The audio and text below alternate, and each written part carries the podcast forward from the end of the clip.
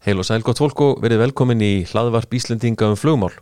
Við ætlum að beina sjónum okkar að Ísafía í þessum þætti. En Ísafía er ofinbert hlutafélag sem gegnur því mikilvæga hlutverki að annast rekstur og uppbyggingu á innviðum sem leggja grunnað flugsamgöngum Íslands.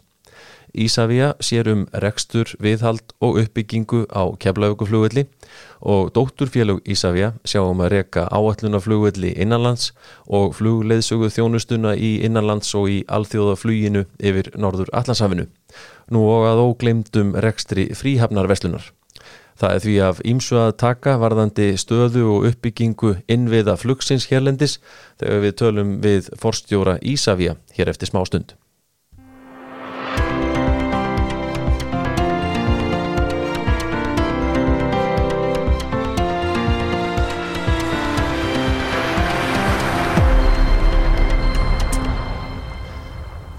Já, hann er mættur í flugvarpið Sveinbjörn Indriðarsson, fórstjóri Ísafja. Verður velkomin í þáttinn. Takk fyrir og takk fyrir gott bóð. Þú ert búin að vera nokkuð lengi svona við stjórnvölinn hjá Ísafja, ekki satt? Jú, ég byrjaði höstið 2013 og kem þá inn sem frangatastjóri fjármálasvis og hérna þannig að ég hef fengið að fara í gegnum sem sagt allar þessar sveiblur, þessar miklu uppsveiblur sem var hérna á áronum fyrir fallváver og fyrir COVID og, og svo allt sem við þekkjum núna síðust árin, þannig að þetta er bara búið að vera mikið æfintýri. Já, búin að sjá hérna augarnar í báðar áttir alveg hreint. Já, já, já, heldur betur. eh, hvernig svona kemur þú inn í þetta sem fjármálastjóri segir þú ert með, þú ert hagfræðingur, ekki satt? Jú, ég hérna á sínum tíma, þetta fyrir 1998 þá útskrifast ég með bíagráði hagfræði með svona fjármál sem svona hérna áherslu og meiningi var nú alltaf að bæta við sko, þetta var hérna bíanámið í hálskólanum var þá til dæru nýbyrjað þetta þryggjórunámið og það voru kannski ekki mikið sterkari vísindi á bakvið vali og þeim tíma heldur en sko þrjú árin. En svo síðan þá það var ég bara það lámsað mér að ég hef verið sko, það lámsað mér að fá mjög áhugaverð störf. Byrjaði hérna hjá fjárhústíkabanka Atvinnlýsis sem að setna hérna saminæði Stílasbanka e, fór svo verið hjá Æslandir e, í áhættistýringu og fjárstýringu. Þannig að hérna e, svo ég framaldi því að hérna fóru svo yfir í FL Group sem frangotastýr fjármálarsviðis og svo starfaði í nýsköpnar gerunum líka eftir það þannig að einhvern veginn störfin sem að ég hef náð einhvern veginn verið það lánsamir að fá í gegnum tíðin að hafa bara verið það spennandi og kent með það mikið að, að ég tók aldrei þau skrifa að menta mig meira Alltaf svona, já, lífið bara tók við einhvern veginn. Já, já, lífsins skóli. Lífsins skóli. Já, hann er, hann er hérna studuð vannmetinn. Um, þetta fyrirtæki sem þú ert með höndónum svona í dag, má segja, uh, Ísafja, þetta er gríðarlega stort batteri. Uh, svona getur aðeins sko, þetta er ofnbært hlutafélag, getur þú svona farið aðeins í grófum dráttum svona yfir að hvernig félagið er bara uppbyggt og hvernig starfsemin er? Já, Sko, þetta er að réttið, þetta er greiðilega hérna, uh, þetta er stórt fyrirtæki og umsveð mikið og, og, sagt, uh, og það er mikið um flækjustig og hérna ég manna þegar ég byrjaði hérna árið 2013 að hafa mikið talað um það sko að þetta verður svo flókin rekstur oh. En kannski reksturinn sko sem slíkur svona bara þegar kemur almennt að því að reyka fyrirtæki það kannski er ekkit endilega flóknur heldur en sko mörgunnur, þú þarfst bara að vera með þína stefnu og, og svona þú veist taka ákvarðinni með sama hættu og annar staðar. En það er samt sko það fléttast, marg, fléttast margar ó, ólíkar áherslur inn í reksturinn. Og þegar ég sagði að ég var stopnað 2010 að þá sko það er þetta lág fyrir eitthvað skýsla þá um það að það væri heppilegt að þrískipta sko hérna e, reksturinnum að vera með innlandsfljóðalla hlutan mm. sem, satt, e, sem eitt félag og, og hérna fljóðleisugunum sem annar félag og svo keflauguflut sem þriða félagið en það var tekið svona okkur sínum tíma að steipa þessu öllu bara undir einn hatt þannig að við sátum upp með svolítið svona flóki fyrirkomna þar sem við vorum með svona gríðalega ólíkar áherslur undir einum og sama hattin mm -hmm. þannig að við áttum svolítið erfitt með einhvern veginn að, að finna einhvern veginn svona réttu áhersluðnar réttu stefna áhersluðnar hvernig við varum að vinna með það, hvað þýðir allir dæmis að, að hérna e, að vera samkeppni?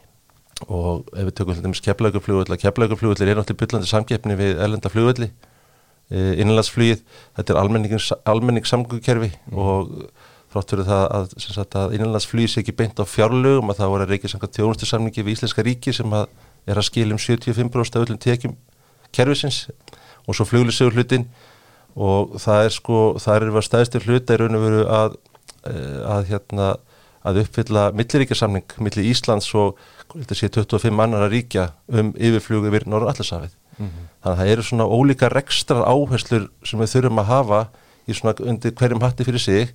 Og þetta trubla okkur alltaf aðeins svona þegar við vorum að reyna að setja okkur svona stefnur og reyna að reyna svona að reyka þetta fyrirtæki áfram svona með skynnsimna leðaljósi Eh, þannig að við reyðust í uppbygging á félaginu 2020, ég tek við sem uh, fórstýri félagsins 2019 sumarið og e, hafði lengi einhvern veginn, það gengi með þetta í maganum að þetta var bara nöðsöld að gera þetta svo við næðum einhvern veginn að að ná sko, styrkleikonum út úr hverju rekstreiningu fyrir sig.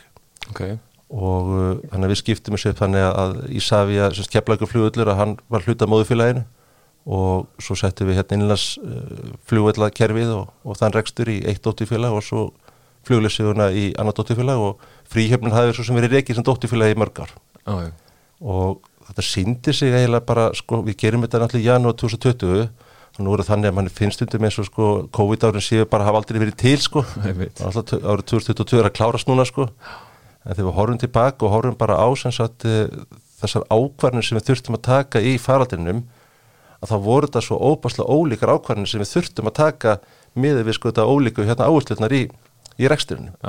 Þannig að keflækjaflugli þá þurftum við að vera óbáslega meðvituð um það að einhvern veginn að reyna að standaði bakið á flugfélagunum í þeirri vonum að þau myndu koma fyrr aftur. Mm -hmm. Það var til óbáslega mikils að vinna að, að, að, að við erum svona, e, þegar COVID myndu nú fara hérna að stíga til hliðar að við erum svona einn af þeim fyrstu flugulli sem að flugfélagin fara að horfa til innlandsfluglakerfinu að þá er enda bara ákvörðunavaldi lág bara hjá sko innviðaránundinu að því að þau fara að bera ábyrð á, hérna, á samgöngum Íslands og það var bara tekinn ákvörðinu það að draga ekki úr þjónustu Emi. og það var bara til þess að í raun og veru við haldum atvinnu og við haldum um að gera fólki kleift að ferðast en þau mætti því þannig að þau komum bara með viðbúta fjármagn e, inn í það rekstur til að mæta, hérna, mæta því að, að tekið frá þrýðaðala náttúrulega hrundu niður og svo hérna e, í yfirflýjun að að þá ertur raun og veru með svona mekanisma í þessum samlingi að, að það er það er eiginlega svona svo til fullkomin hérna svona afkomiðjöfnin í samlingnum þannig að við gerum eitthvað áallun fyrir hvert einast ár og ef við högnust umfram áallun að þá skiljum við þeim hagnaði tilbaka til notenda á næstu tveimur árum eftir og svo öfugt. Þannig að sem er svolítið lýsandi fyrir svona milliríkja samling ah. en það er þessi seifljöfni sem gera það verkum að hérna eh, annars þegar þá er ekki sérstök áhætti fyrir okkur í þessum rekstri og hins vegar heldur ekkert sérstaklega sko tækifæri svona til að búa til einhverja mikla afkomurs þetta er bara mjög stöður og góður ekstur, gefur gott kassfló og góða afkomu, mm -hmm. en það þurfti allt allt öðruvísi sko áherslur í gegnum COVID í öllum þessum þrejum flokkum. Ah. og ég bara þakka fyrir það að við skildum hafa verið þátt, sko við vorum ekkit við vorum ekkit búin að klára uppskiptinguna þegar COVID brestur á hérna í, hvað er í mass cirka árið 2020 en við vorum þó allavega búin að gera aðgreiningu á rekstinu þannig að viðkomandi framkvæmtastjóri gæt bara að fara í bytti einhvern veginn að vinna með þær áherslu sem að hendaði viðkomandi fyrirtæki. Já, ég skil. En hérna, en svo ef við horfum á keflauguflugu til þeim seginu og sér að það voru náttúrulega bara greiðilega mikið flækjustu þar. Já. Þú veist, við hefum ekki tengistuð þar sem að svona rekstrar hagkvæmni og sem sagt að flugvelega getur snúið til til að hrætt, þetta skiptir allt miklu í máli þannig að það eru kannski einhverju svona, svo í slettun og aðeins einhverju svona operational excellence svona nálgun mm -hmm svo ert inn í flugstöðinu, þá ertum við tækjafæri til þess að selja sko varning, alls konar varning og, hérna, og, og veitingar til flugfartiga og þá ertu kannski komið meir út í svona einhvers konar business hugsun. Þannig að, þannig að hérna, við þurfum að vera svolítið tilbúin til þess að horfa á reksturinn okkar bara með mismunandi augum hverju sinni. Og þú sko með þinn bakgrunn og svona þú horfir á þetta náttúrulega bara svona sem eh, þessi þessa aðgrinningu og svona þetta er bara misjafn rekstur hjá hverjum fyrir sig og, og kannski e, einna helst er það ekki keflaugu flugullur sem að getur verið svona arðvænleg eining, ekki satt? Jú, það er hár rétt og, og það var eitt af því sem að það var bara svolítið hérna uh, að koma upp sko þegar við vorum að undirbúa uppskiptinguna að þá kom einmitt upp svolítið þú veist að, að við værim svolítið að draga keflaugu flugull út úr þessu sko að því að það væri svo spennandi og skemmtild og allt þetta en í grunninn, þetta er alveg hár rétt til að, að það eru mest sko Eh, sagt, eh, afkomi möguleikarnir eru stærstur keflægufljóðli mm -hmm. en það er líka stærsta áhættan Æsjulega. og við getum alveg sagt sem svo ef við horfum með innlægsfljóðakæri þar sem við erum með hérna, það er rekið á fjármunum frá ríkinu mm -hmm. úr þjónussamlingi við innverðarandi Íslenska ríkið er ekkert slæmi mótaðili þegar kemur að því að, að, hérna, að fá trygga tekjur og, hérna, og við erum bara uppfylla samning þar e, í hérna, yfirflýjun en ekki gleyma því sko þó sem við séum bara uppfylla samning þar að að þá skiptir rosalega miklu máli hvernig við erum að reyka þetta. Að því að sko það sem er í innlærs fljóðleikkerfinu og það er óbúslega gaman ég myndi að segja frá því að, að sko þráttur það að við séum ekkit endilega með þessi sterku sko svona viðskipta möguleika þar. Við höfum eitthvað sérstaklega möguleika að auka tekjurnar að þá erum við með algjöra snillinga sko sem starfsmenn þar til þess að halda neyri kostnaði til þess að passa upp á það að hlutinni virki og vitandi það hvað okkur er hérna þröngt stiðir snakkur þar, mm -hmm. stakkur þar að hérna að það er alveg einhverju kraftaverki líkast hvernig fólkinu okkar hefur tekist að halda kerfinu gangandi sko miðið við það fjármaks sem er ætla til þess Já. þannig að hérna en það er ekkit sérstaklega mögulega að búa til akkurat og hérna sömur sögur svolítið að segja hérna í, í hérna fljóðlisögunni að, að það er gríðilega ábyrða að uppfylla þennan sko hennar milliríkjasamning en þar líka ef við erum að finna með einhverja frábæra leitla að búa til mikla tekjur að þá skila og, veist, og, þar, þar líkur sko kannski sagt e, þrýstingurinn kemur þaðan að þá það sem gerist er það að við draugum kostnaði í kerfinu frí fljóðreikandan en það mun ekkit endilega skila sér sko til hérna til fyrirtækisins. Og það er bara eitt og sér það markmið og okkur hefur tekist það óbáslega vel að, að halda sko við erum alltaf að það er ekki kannski bein samkeppni yfir hafið en við horfum að kostnaðin sem flugfélag voru að bera því að kaupa okkur þjónustu til að fljúa yfir hafið mm -hmm. að þá er hún bara mjög samkipnisæf með það sem við erum að sjá annars það er í Evropa til dæmis, þannig að við erum að ná að gera hlutuna mjög vel þar sko. Já, og kannski á þessum svæðum, svona aðlíkjandi svæðum eins og Sjanvik og Gandir og þessum svæðum sem að líka í íslenska svæðin Já, algjörlega, þannig að, þannig að við erum alveg að ná að gera bara mjög góða hluti þar. En ekkit sérstaklega mikil hætta á því að, að sko það fyrirtæki, dótturfyrirtæki verið gjaldtróta Nei, Það er, það er, það er en á keflaugaflugli þá getur bara eitthvað komið upp á sem gerir það verkum að það bara höggvi bara verulega í afkomin okkar mm -hmm.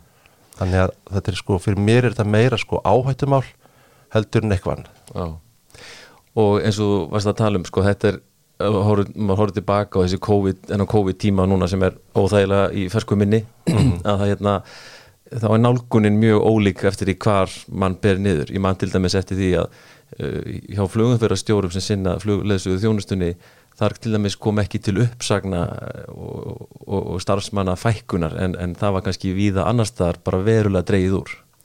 Já, og það er einmitt, sko, það er einmitt mjög góða punktur að því að, hérna, að því það sem við náttúrulega lendum í hérna á keflægum til dæmis að verkefni bara fara. Já.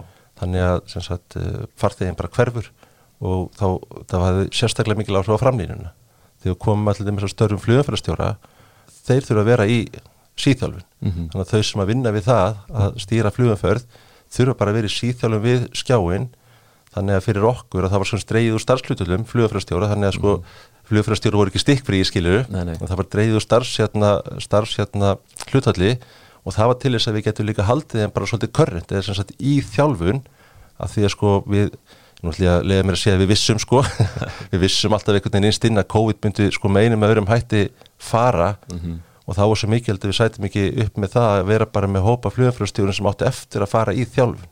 Og það svona var alltaf, þú veist maður þór aldrei að segja þið upp átt en, en það, hef, það, það, það, það átti ekki að koma neitt sérstaklega óvart umfyrir fór að starra hraðar heldur maður þorða vona. Mm -hmm. og þá er mjög vond að vera með stórn að áðun ekkert tekið til starfa aftur þannig að Akkurat. þetta er þess að mismunandi áherslinu er svolítið að benda á sem að skiptir svo óbáslega miklu máli. Og, og þessi, þessi markmið sem að svona menn settu af stað og, og hafa þau semst að þínum mati svona náðust með því að skipta þessu svona upp í þessi svona síló má segja? Já, ég held að, ég held að það er alveg klálega hérna, ég held hérna sem að segja nú eitthvað jákvæmt um heimsfældur, ég held að heimsfældurinn hafi sínt okkur að bara mjög hrætt hvað það var sem voru nákvæmlega ná fram með þessu en hérna svo er náttúrulega eitthvað svona fullt af eitthvað svona útværslu, svona tæklinum útværslu málum eftir, það eru greiðlega mikil viðskipt um millisara félaga, sem sagt við erum að kaupa sér að þjónustu innan samstæðarna og svona sem að við höfum svona, veist ekki smá tíma að vera að klára samninga og annað milli fyrirtækjana, mm -hmm. en svona prinsiplega séð, að þá held ég að við höfum á alveg markmiðunum sem allir mann á fram með þessu. Og hvað eru bara svona til þess að gefa fólki einhverju hugmynd um stærðina, sko, hvað eru margi sem starfa hjá Ísafja til dæmis uh, svona, nú er það meintilega svolítið sveifla á því hvort við erum að tala um sömur eða veldur Já, hún er samt kannski minni sveiflan heldur en sko maður uh, heldur oft sko. Já. en ef við horfum á stöðuna núna og horfum bara á samstæðina að þá erum við um 1250 manns sem að starfa hjá samstæðinni í held og það er að við erum 760 hjá Ísafja við erum með 250 hjá hérna, Ísafja ANS sem er sko með fljóðlisögur hlutan 120 hjá fríöfninni og svo er Ísafja innanlands e, minnst með ríflega 110 starfsmenn. Já. Yfir sumar og þetta er svona núvarendin í haustið en í sumar þá fórum við hægst sem samstæði upp í sko 1422 starfsmenn. Þannig að það sem hefur að gera svolítið að því við náttúrulega erum með sko mestu um sifin og, og flesta starfsfólki inn á keflagufljóðli að það sem var að gerast á árunum fyrir COVID var það að, við náðum einhvern veginn bæði við og, og náttúrulega flugfélagin líka að dreifa svolítið sko hérna, umfyrinni inn í veturinn. Þannig að vetur að svonst ég held að það hefur, ég man ekki nákvæmlega hvað árað var hvort það verið 2016-17 sem við gáttum meila svona með sannið fara að segja að Ísland var orðin heilsás áfangastæður mm -hmm. að þá voru við bara komið með sko þrýðungu í veturinn, þrýðungu á hérna vorun og haustin og svo þrýðungu af, af, af hérna fjölda farþegi við sömarið sem gerða verkum að, að þessi ástíða sveibla hún mingaði en þetta eru, þú veist, einhverjir 200 cirka sem bætast við yfir sömarið sem voru, við vorum með 200 starfsmennu fleiri í sömar mm -hmm. heldur en við erum með núna inn í veturinn til dæmis, bara til að setja þetta í eitthvað skonar samingi. Skilji. Og sko ef við tölum svona þessum stærsta hlutan í þessu batteri sem er keflaugurflöður uh, ef þú horfið svona á núna síðastlið sömar, hvernig og þetta er náttúrulega kannski fyrsta svona alvöru vertíðin eftir COVID hvernig gekk? Sko það gekk alveg lígilega vel í sömar og hérna við vorum sko ég held að það hefur eitthvað þrjusæði fjórusunum gegnum COVID sem að hérna kom svona opnaðir smá svona berstýni skluggi og þá fórum við að undirbúa þú vorust að taka fólkin eftir og við þurftum náttúrulega þurfum líka að þjálfa sko framlínuna eftir að hérna fólki er búið að vera frá vinni í svolítinn tíma. Það er svona minni hérna minni þjálfun heldur en til dæmis sluðanfrastjórar en enga síðan þá þurftum við að gera það. Þannig að við fórum sko þar sem við gerðum að bytjum að svo jækslinn sko í, í byrjun ás og það er rosalega með maður veltir í fyrir sig sko það er ekki nema sko hvað, átta mánir eitthvað síðan að þú veist að hérna að, að hérna að landamærin voru endalega opnið sko eða, eða, eða takmörkunum var alveg til landamæran en það var í byrjun þessa ás sem við eiginlega byttum svolítið á jækslina því að við sáum bara fyrir okkur að það komið mikill áhugi frá flugfélagu og við, sá, við vorum eiginlega nokkuð vissum að þau myndu koma aftur. Það var bara spurningum hvenar sko við hefðum hugur ekki til að aflita takmörkunum og hérna þannig að við byrjum kannski aðeins fyrr að þjálfa fólk og ráðinn fyrir sömarið heldur en sko við vorum búin að fá svona 100% staðvistik á því að, að allt myndi svona ganga upp. Þannig að með vorunni þegar þetta fór alltaf stað aftur og þá, hérna, þá voru við þokkala tilbúin. Og gekk líka ótrúlega vel að manna þetta. Við hérna náðum að ráða inn þann fjölda af símastafsfólki sem við töldum að við þyrtum á að halda. Og svo er það bara þannig að, að hérna, fólki sem að vinnur þetta sögja frá að, að þetta er náttúrulega fólk sem að bara kann þetta. Mm -hmm. og fólk leggur mikið á sig og eru verulega tilbúið að breytta berma þar til þess að við komist í gegnum þessa daga og, og, hérna, og, og svo í gegnum sömari. Klára vertíðina? Klára vertíðin og hérna, já, þetta er, er óbúrslega stert í fólkinu okkar og, mm -hmm. og hérna, það er auður sem við búum að sko. Mm -hmm. En það sem var kannski, það sem var kannski áskorunni í söma var það að við vorum, vorum búin að stilla upp svona framkvæmda áallin og hún miðaðist sko við 4,7 miljónu farþega sem er sko, kannski fara í 6,5 miljónu farþega og við erum að framkvæma mikið á flugbrötakerfinu þannig að það urðu til alls konar svona rekstratengtar áskorunir tengdu því. Þannig að, hérna, þannig að það var kannski það bjóð til sko hausverk fyrir okkur, gekk allt upp þú veist, þannig hérna það var alveg flókið að eiga við það sko. Já. en rekstælega séð, þá held ég að það sé ekkert eitthvað sérstætt sem við hefðum geta gert uh, öðruvísi. Í auðvitað kemur einu dagur þar sem kemur eitthvað upp og þú veist að bílar hérna einhver vopluleita vél eða þú veist við náum ekki, þú veist að kalla fólkin á aukavaktir eitthvað annars líð sko það gerist í öllu rekstri og hérna en í heildina sé að þá hérna erum við bara mjög stolt að fólkinu okkur og hvernig gekk í sumar sko. Mm -hmm. Og maður sá líka sko næma að ber sama við bara fréttirna sem kom í sumar um sko allt káosið á mörgum flugvöldum hér í kringum okkur þá svona slapp þetta nú bara bísna vel til svona í því samengi sko í keflaug Já, algjörlega, algjörlega og það voru mjög og flugvöldir eru ennþá að hérna eru ennþá við erfileikum með og það er eins og þú varst að nefna að það var mönnunarvandi sko, fyrst og fremst sem var svo mikið í gangi þarna. Já, það var mönnunarvandi og, og hérna, ég var nú hérna, fór nú í sumar á rástefni þar sem að sko fórstjórar hérna fljófélagi í Európu hittast einu svona ári og voru að bera saman bæku sínar og, og þar mann ég eftir að, að það kom eitt hérna e, svona utan á komandi og hann horfið bara yfir hópin og sagði þið vitið það, þetta er bara ykkur að kenna. Þið fóru bara alltaf senda stað og og því hafðu ekki trú á því að þetta færi þessar stenduristni væri byrjuð eitthvað slíkt sko mm.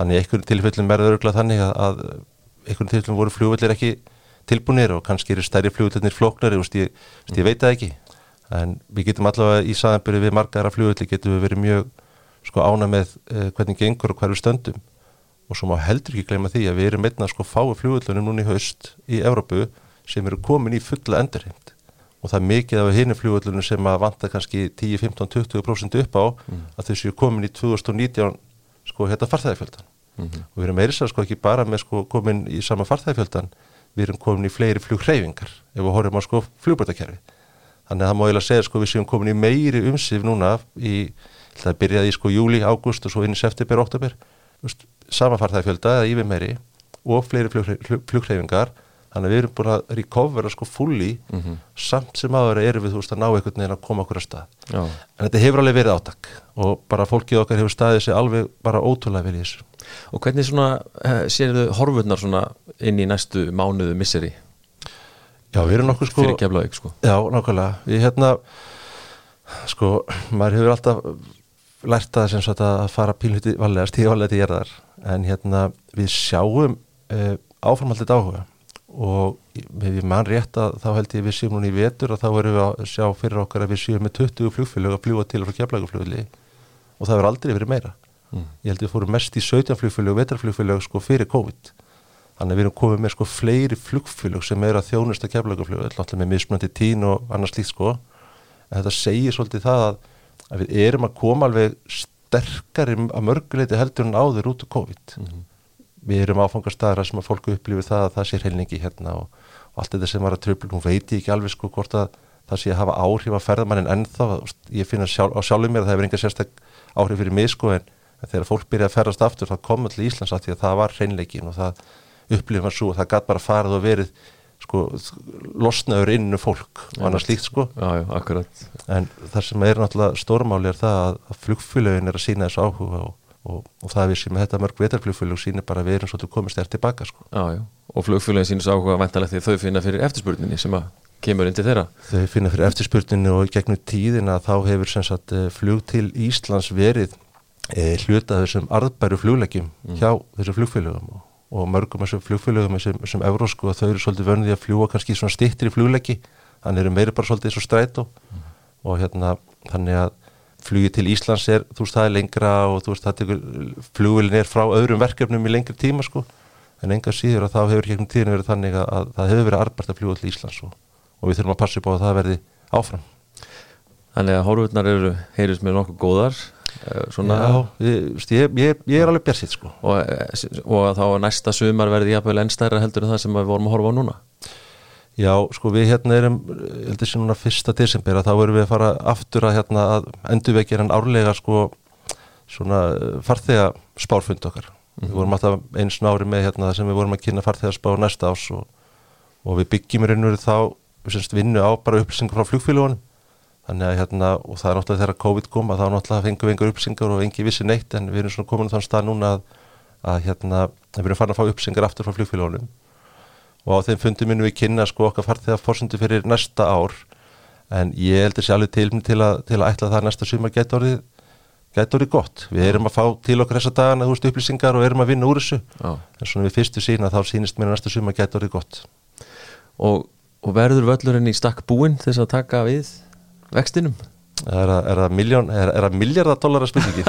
já, við e, Sko, þetta er hérna svona já og nei, það fyrir svolítið alltaf eftir í hvernig það raðast inn á daginn. E, Sko, kannski leiði mig bara að vera svolítið, tala svolítið óvarlega. Árið 2018 sem var stæðst árið okkar e, fórum upp í hátti 10 miljón farþega. Ég held að það sé ár sem við viljum ekkert fá aftur sem fyrirtæki við, við vorum, við fengum fullt af farþegum og þetta var hérna, mestu tekjurnar og, og mestu hagnar og allt svo leiðis en þetta er ekki sko, þetta er ekki vöxtur sem er sjálfbær með við innviði flugvallarins. Við náðum ekki að uppfylla sko þær þjónustu markmið sem við sittum okkur. Mm -hmm. við náðum ekki að uppfylla þjónustu markmið sko sem er aðalega tengiflugfélagin sem sagt er að selja með vörunni sinni. Þannig að svo leið okkar er að reyna að búa til sko eins mörg slott eða marga afkvæmstutíma og mögulegt var bara til þess að mæta þessu eftirspurð Jújú, þetta gekk þetta árið að því að við erum svolítið vörnið að leysa hlutina mm -hmm. en við þurfum að núna að gera þetta þannig að, að við tökum okkur aðeins meiri tími í þetta við þurfum að koma fleiri fermetrum í nótkun inn í flugstöðunni mm -hmm. og það er það sem við erum að vinni núna fórum að stað hérna, já, fyrir heldur margir aðri flugvellir að, að, hérna, að undirbú og byrja framkama þannig að hérna, þú svo fristingi núna sé alveg svo sama þá held ég svo óbúrslega mikilvægt að við öll einhvern veginn passum upp á það að við gerum þetta þannig að þetta verði sjálfbærvöxtur Góðu punktur sko vegna þess að líka ég man ágætlega eftir þessum tíma sem þú ert að tala um sko það sem að umferðin er eiginlega bara of mikil að sko mm. þá kemur það líka á endanum niður á því vantarlega að sko farþegin sem er að nota þjónustuna hann upplifir að þjónustan er orðin verri, lélegri og hefur þá minni áhuga að koma aftur og þetta er fer í afspurn sem að hérna skilur verður bara verra fyrir alla á endanum þannig að það er svo mikilvægt að við halda eins og þú nefndir með flugfélagin að þau geti bú, haldið, haldið þessari skipti miðstöð og, og, og afgræslu tíma góðum á alla lund Algjörlega sko hérna, og, og þú veist, þeir kemur kannski að sko flugið til á frá Íslandi mm. farþegum sem er að koma, ferðarmenn sem er að koma heimsíkja okkur þá er náttúrulega sko, þá er það áfangastæðin sem er aðdátturaflið mm -hmm. þannig að við kannski komist upp með að, að hérna kannski að standakur geta alltaf frábæla þar okkur með einstu degi. En þegar það kemur að tengifarþegun þá hefur hann val. Og, sagt, og við viljum bara að tengifarþegin velji kemlaugum fljóðull af því að það er þægild að fara um fljóðull þegar tengitíminn er stuttur og þú veist það er ekki tróningur, það er ekki vandamál. Akkurat. og það er það sem skiptir máli. Og þá komum við með því sem er sko er að búa til fljóðanföruna til á frá Íslandi að það er sko þetta sem kallast eh, connectivity eða fljóðtengingar til á frá Íslandi. Og það er einmitt sko tengi stöðin og tengi farþeganir sem er grunnurinn að fljú tengikon þannig við þurfum alltaf að byrja því einhvern veginn að horfa á tengifarþegan þó svo hann komi aldrei inn í Ísland og þó svo hann skilji bara eftir einhverju tekið sko hjá flugfélagunum og, mm -hmm. og inn á flugvöllinum sem er náttúrulega meira heldur en eitthvað bara skilur en, en ekkert fyrir utan flugvöllin að þá er þetta grunnurinn að fljú tengikonum og svo tala flugtengingarna bara beint inn í hagvöstin því að það hefur verið sínt hérna og rannsóknir sem voru framkvæmdar í Európa og vegum semst alþjóðarsamtaka fljóvalli í Európu þar sem bara fannst, bara fundist bara bein orsakatengsl milli fjöldaflugtenginga og hagvakstar. Þannig að þetta skiptir einhvern veginn svo mikið máli að við horfum á sko hvar kjarnin er, hvar mm -hmm. hann er að myndast. Því að maður heyri svo oft bara, þetta er bara tengifart, þeir kom ekki til Ísland, þeir skil ekki neinu. En þú veist, en við erum búin að vera byggjum að fljóða til mörg ár, sen tengi fljóða og það er líkillin að þessu öllu saman. Akkurat.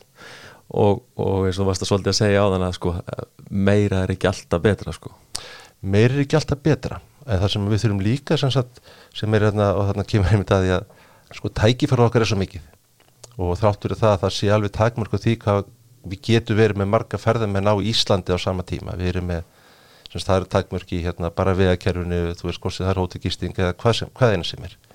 En það er engin takmörk fyrir því hvað við getum verið að taka mikið að tengifarþegum gegnum keflauguflugul og ef við horfum til dæmis á keflauguflugul bara eh, landfræðilega legu. Við notum nú mjög oft hennar frasa hérna þegar við vorum reyna hérna að hengja okkur eitthvað í COVID, ég meina COVID breytti ekki landfræðilegri legu Íslands. Nei. við erum eða bara frábærum staði millir hérna, millir Ameríku og Evrópu og, og hérna meirisa líka á góðum stað bara þegar kemur að öðrum tengingum. Þannig við höfum það e, það sem við erum að sjá í Evrópu á þessum stóru tengifljóðullum sem við erum í samgjöfni við Evrópu, þar eru bara þeir fljóðullir eru bara komni svolítið í svona afkasta vanda. Þeir eru aðþrengtir allstaðar, þeir geta lítið stækkað e, þeir eru staðsettur oft hannig að það eru mikla gröfur um það bara að setja takmörk á það hvað mega fara margi farþegar eða marga flughreyfingar yfir einhvern gefin tíðanbíl þannig að það er komið svona afkasta svona, það er komið upp svona afkasta áhyggjur inn í Evrópi þegar kemur að tengiflugi meðal annars og þá er þetta gríðilegt markast tækifæri sem er opnast upp fyrir sko eins og keflægufljóðl mm -hmm. þannig að hérna við erum svolítið svona mitt að milli þess að vilja bara bretti bermanar og fara bara framkama alveg eins og vindurinn eða gera þetta skinsaman hátt og vaksa bara með okkar sko viðskiptafinum mm -hmm.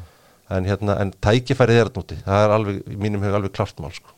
Þú nefndir aðeins hérna áðan sko framkvæmdunum þar sem er í gangi í Keflavík og einmitt á akstusleiðum og í kringum flugbröðirnar og svona sem hefur haft einhverja raskanir svona í sumar eða ekki raskanir en svona aðeins óþægindi, getur við sagt uh, Getur þú svona aðeins útskýrt uh, hvað er helst verið að gera? í kemleik núna Já, það sem að sko við byrjum bara á hérna, byrjum bara á, á flugbrötukerfinu sem slíku, mm -hmm. að við náttúrulega erum með tvær góðar flugbrötir og, og hérna, og hérna sem að fara í kross og þannig að við getum verið að sinna sko flugtækjulendingu mjög vel. Eitt af því sem að var tölu verið áskorun hérna fyrir, sérstaklega fyrir fall Váer að það var hérna að Váer var að fljúa inn og, og út uh, á undan Æslandir vorum við sína hérna sína bankasókölluði eða, eða tengitíma þar á undan. Og það var svolítið að rekast á svo flugumferð sko í flæði á flugbutakerfinu þannig að oft kom upp senkanir og annars slíkt þannig að það sem við höfum verið að ráðast í núna er það að við höfum verið að ráðast í að uppfæra líka agbrutukerfið sem gera verkum að þú getur verið með sko tvístefnum flæði og svo erum við að setja svona sem að kalla svona hraðafreinar mm -hmm. af flugbrutunum þannig að flugbrutunum geta beitt út af ef flugvilarnar geta beitt út af flugbrutinu fyrr heldur en ella. Og þannig getur við minka aðskilnaði af flugi og þannig bætt afkasta kerfi flugbrutarkerfisins þannig að við erum mikið búin að vera núna að vinna í einmitt sko afkastamálum sem að sjálfsögur skilir svo líka inn í bara bættu öryggi á, hérna, á flugbatakerfinu og eins og sagði við ætlum að nota sko rólega tíman í þetta sko en, en hérna, en þetta segi, þetta gekk allt saman upp og, og það er áframhaldið í framkvæmdir sko framöndan einmitt til þess að bæta þetta flæði. Og það sem að gerist líka leiðin þegar bætum þetta flæði að þá eru við líka að, hérna, að stýða við sjálfbærnina. Flugvilar þurfa kannski að keira stittra og reyflatni þurfa að vera skemur í gangi þannig að bæðir þetta kostnaðamál fyrir flugfjölegin og, mm. og svo umhverjismál þannig að við erum líka alltaf að horfa það í, hérna, í stóra saminginu þannig að þetta er svona, eru aðal áhersluðnar þegar það kemur að flugbrötakerfinu stóra spurningi með flugbrötakerfi er sko eh, hvena kemur þriða flugbrötin kannski freka að þú veist munum eitthvað tíma að koma? Að því að það að, hérna, það að setja niður flugbröt það er, ég veit ekki hvað 60-80 miljardar verkefni sko. Og hérna ég er reyndar hættur að þú veist að hérna kipa mér upp þessa tölu sko en, en þetta er bara, þetta eru reysa stór hérna verkefni sem að eh, verkefni þau stækka bara þau töfaldast bara þegar þau kom inn á inn á flugveld sko.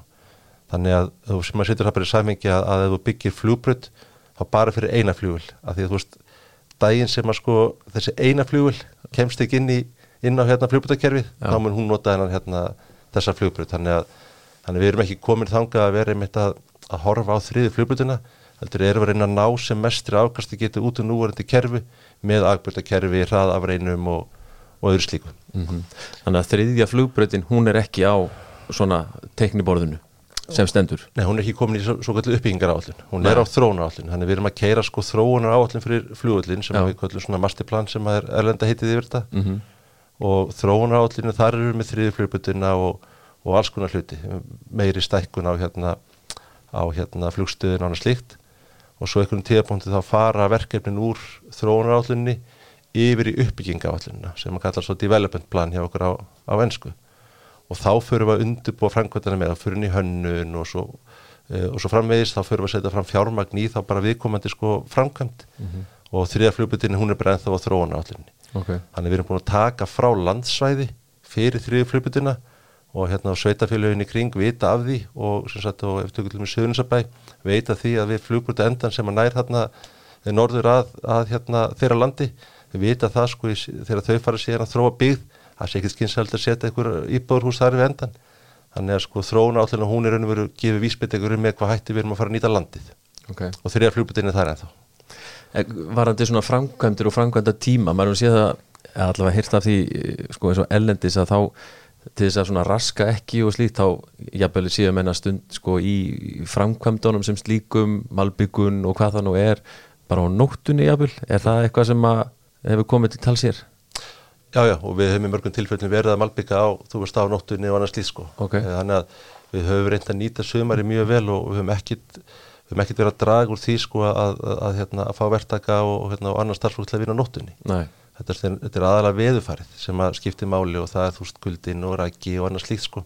Þannig að þetta er, það er veðufarið sem að stýrir þessu miklu miklu meira heldur en eitthvað annað sko. Já, þannig að þið er ekki að setja fyrir ykkur eitthvað krónur og öðra í því að það kosti meira að vinna nóttun eða eitthvað slíkt heldur skilur til þess að koma verkinu í, í, farveg? Nei, nei, nei, alls ekki sko því að að, við erum að framkoma á fljóðvelli sko þá verðum við að leiða okkur að horfa heildamindina við erum kannski reyði búin að borga eitthvað meira fyrir framkvæmdina sjálfa því við erum að spara kannski verulega fjárminni mm -hmm. sko á móti og og eitt af því sem við erum nú að gera hérna svona samsíða agbröð e, sem likur í norðu-söður og við ætliðum að reyna að klára það núna í, í hérna höst en við þurfum eitthvað að fresta því inn á næsta ár og það var bara út af viðfari þannig við höfum mjög gert að vilja að kaupa okkur einmitt inn og það að geta klára þetta þessu ári að það mun kosta pening að við þurfum að taka fólk aftur á borðinu, við munum þurfum að setja okkur eigi fólki í eftirlit og annað lengur heldur en alla þannig að sko í stórumyndinu þá er hagkvamara að taka þessi sko flugbröta verkefni og, keira þau áfram yfir sumarið. Örstuðt af viðuglökar sem við, við höfðum reyndir ekki sumar viðuglöki var svo, svo leðilegur það var ekki frábær, það er alveg rétt. Uh, segi maður sem, að fekk sumafrí í júli og ágúst og ætlaði að taka hérna elda sóluna heima, hún var bara hverki hún var bara hverki sko. en hérna, svo eru framkvæmdir líka við, það er verið að byggja líka við flugstöðina. Hvað, hvað stendur til þar? Það hefur verið sko náttúrulega stæðst í flöskuhálsun hjá okkur hefur verið einmitt hérna e, fermetrar í flugstöðinni. Og það sem við erum að gera núna er að við erum að, sagt, e, að taka fyrsta skrefið í átt að þessum svo kallega austurvang þar sem að hérna sanga tróna állinu þá ætlum við að byggja sagt, hlið til austus þegar semst ég hafi átt að hérna að Reykjanesbæ.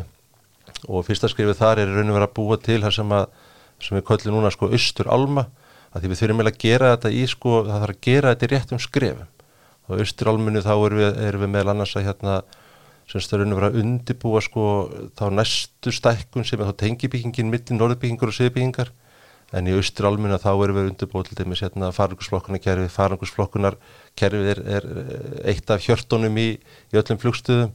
E, við erum samhliðir um að fá sko fleiri fermetrar fyrir vestlunar og veitingarím og byðsvæði og við erum líka e, okkur er að takast að koma hérna, inn líka sagt, fjórun landgöngubrúm og það hefur náttúrulega verið sko stórt þjónustumál hjá okkur að, að, að það er sem sagt að, að við stækkuðum fyrir e, fallváver, skástrygg fyrir COVID á fjärstæðum og það var gert með upplýstum hætta því að þannig áttu við stækkar sem hraðast. Já. en það er ekkit endilega kannski svo þjónustu upplifin sem við viljum veita á fljóðvöldunum sérstaklega ekki yfir veturinn. Og heldur ekki síðastu sumar svo við kannski stoppum núna að gera grína síðastu sumni en, hérna, en enga síðust það er ekki þjónustu upplifin sem við viljum veita en það var leiðin til að stækka hratt. Og það var brákunin sem var tekið með fljóðfélagum á sínum tíma núna erum við að leggja svolítið meira áslu það að reyna að koma fólki í landgöngu brýr en það mun bara taka tíma.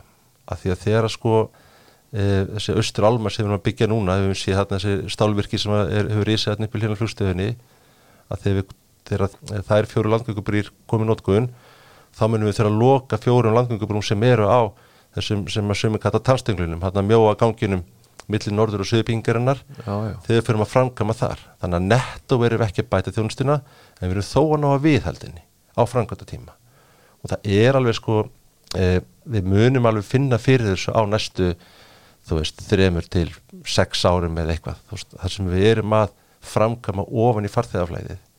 Og það er það sem hefur verið sko stóra áskorunum hjá okkur að, að við setjum upp náttúrulega með flugstuð sem var byggð árið 1987 höfum verið að setja svona spinna svolítið utan á hana mm -hmm. þar sem við höfum getað og við erum alltaf að framkama ofan í farþegaflæðið erum að taka út af köst á meðan að við erum að byggja önnur. Og það er svolítið sem við þurfum bara að vinna mjög þétt með hérna, flugfílónum með hvað hætti við gerum það. Því að við viljum náttúrulega þjónustuskerringin sé sem minnst að meðan við erum að framkvæma. En við sjáum fyrir okkar að hérna á næsta árum að þá verðum við að sjá alveg gör breytt að vera gör byltingu í, í flugstöðun okkar bæði þegar kemur að hérna, e, þjónustöðu fartiða og eins líka bara upplifin fartiða sem er að fara í gegnum flugstöðun Þannig að þetta verður komið í gagnið á næsta ári, já? Sko, austur hérna Eh, Östur Alman, við maður rétt að þá, veist, við vorum að vonast til þess að koma henni í, í gagnið fyrir sumarið 2024, mögulega mun það dragast fram yfir sumarið, en það væri óbúslega gott ef við næðum því. E, þá væri við raun og veru að, e, þá við raun og veru að bæta raun og veru e, komu aðstöðunni sem töskufæriböndin eru, bara gríðarlega mikið, það er búið að vera tölveru hausverkur í, í svolítinn tíma og hérna, og undirbúa svo hérna næstu framkvæmt líka. Eh, við varum að auka aðgengi hérna farþega að vestlunar og veitingarímum og það er óbúslega mikilvægt fyrir okkur einmitt að vera full nýta þau tækifæri sem höfum til þess að fá tekjur úr þessum svo kallar óflugtengda hluta til þess að við getum haldið nótandi gælskanun okkar sem að flugfélagin borga sem legstri og það er alltaf markmiði til þess að til þess að hérna, auðvölda flugfélagunum að taka ákvörnum að fljúa til að frá keflagaflugli mm. Að þá þurfum við að geta tekið lítið af flugstöðinu sem er svona hálgirar vestlunarmistu þar sem eru fullt að tækifærum fyrir okkur til þess að fá viðbótatekjur að fartiðan. Til þess að halda gjaldskráni við flugfélagin svona já, sagt, læri? Já, gjaldskrá flugfélagin er þannig uppbyggða að við rukkum bara fyrir veikta þjónustu og það er svona, er efrúst reglverka bakvið hérna sem ég ætlum ekki að fara út ykkur títali hérna en, mm. en við tökum til dæmis hérna örgisleitina sem við verðum að framkvæma að það er bara ákveðin kostnæðagrunur og það er bara eitthvað ákveði gjald per farþegar sem að flugfélagi borga til okkar fyrir aðgunga þegar þjónust mm -hmm. e, þessi held að gjaldskar og svo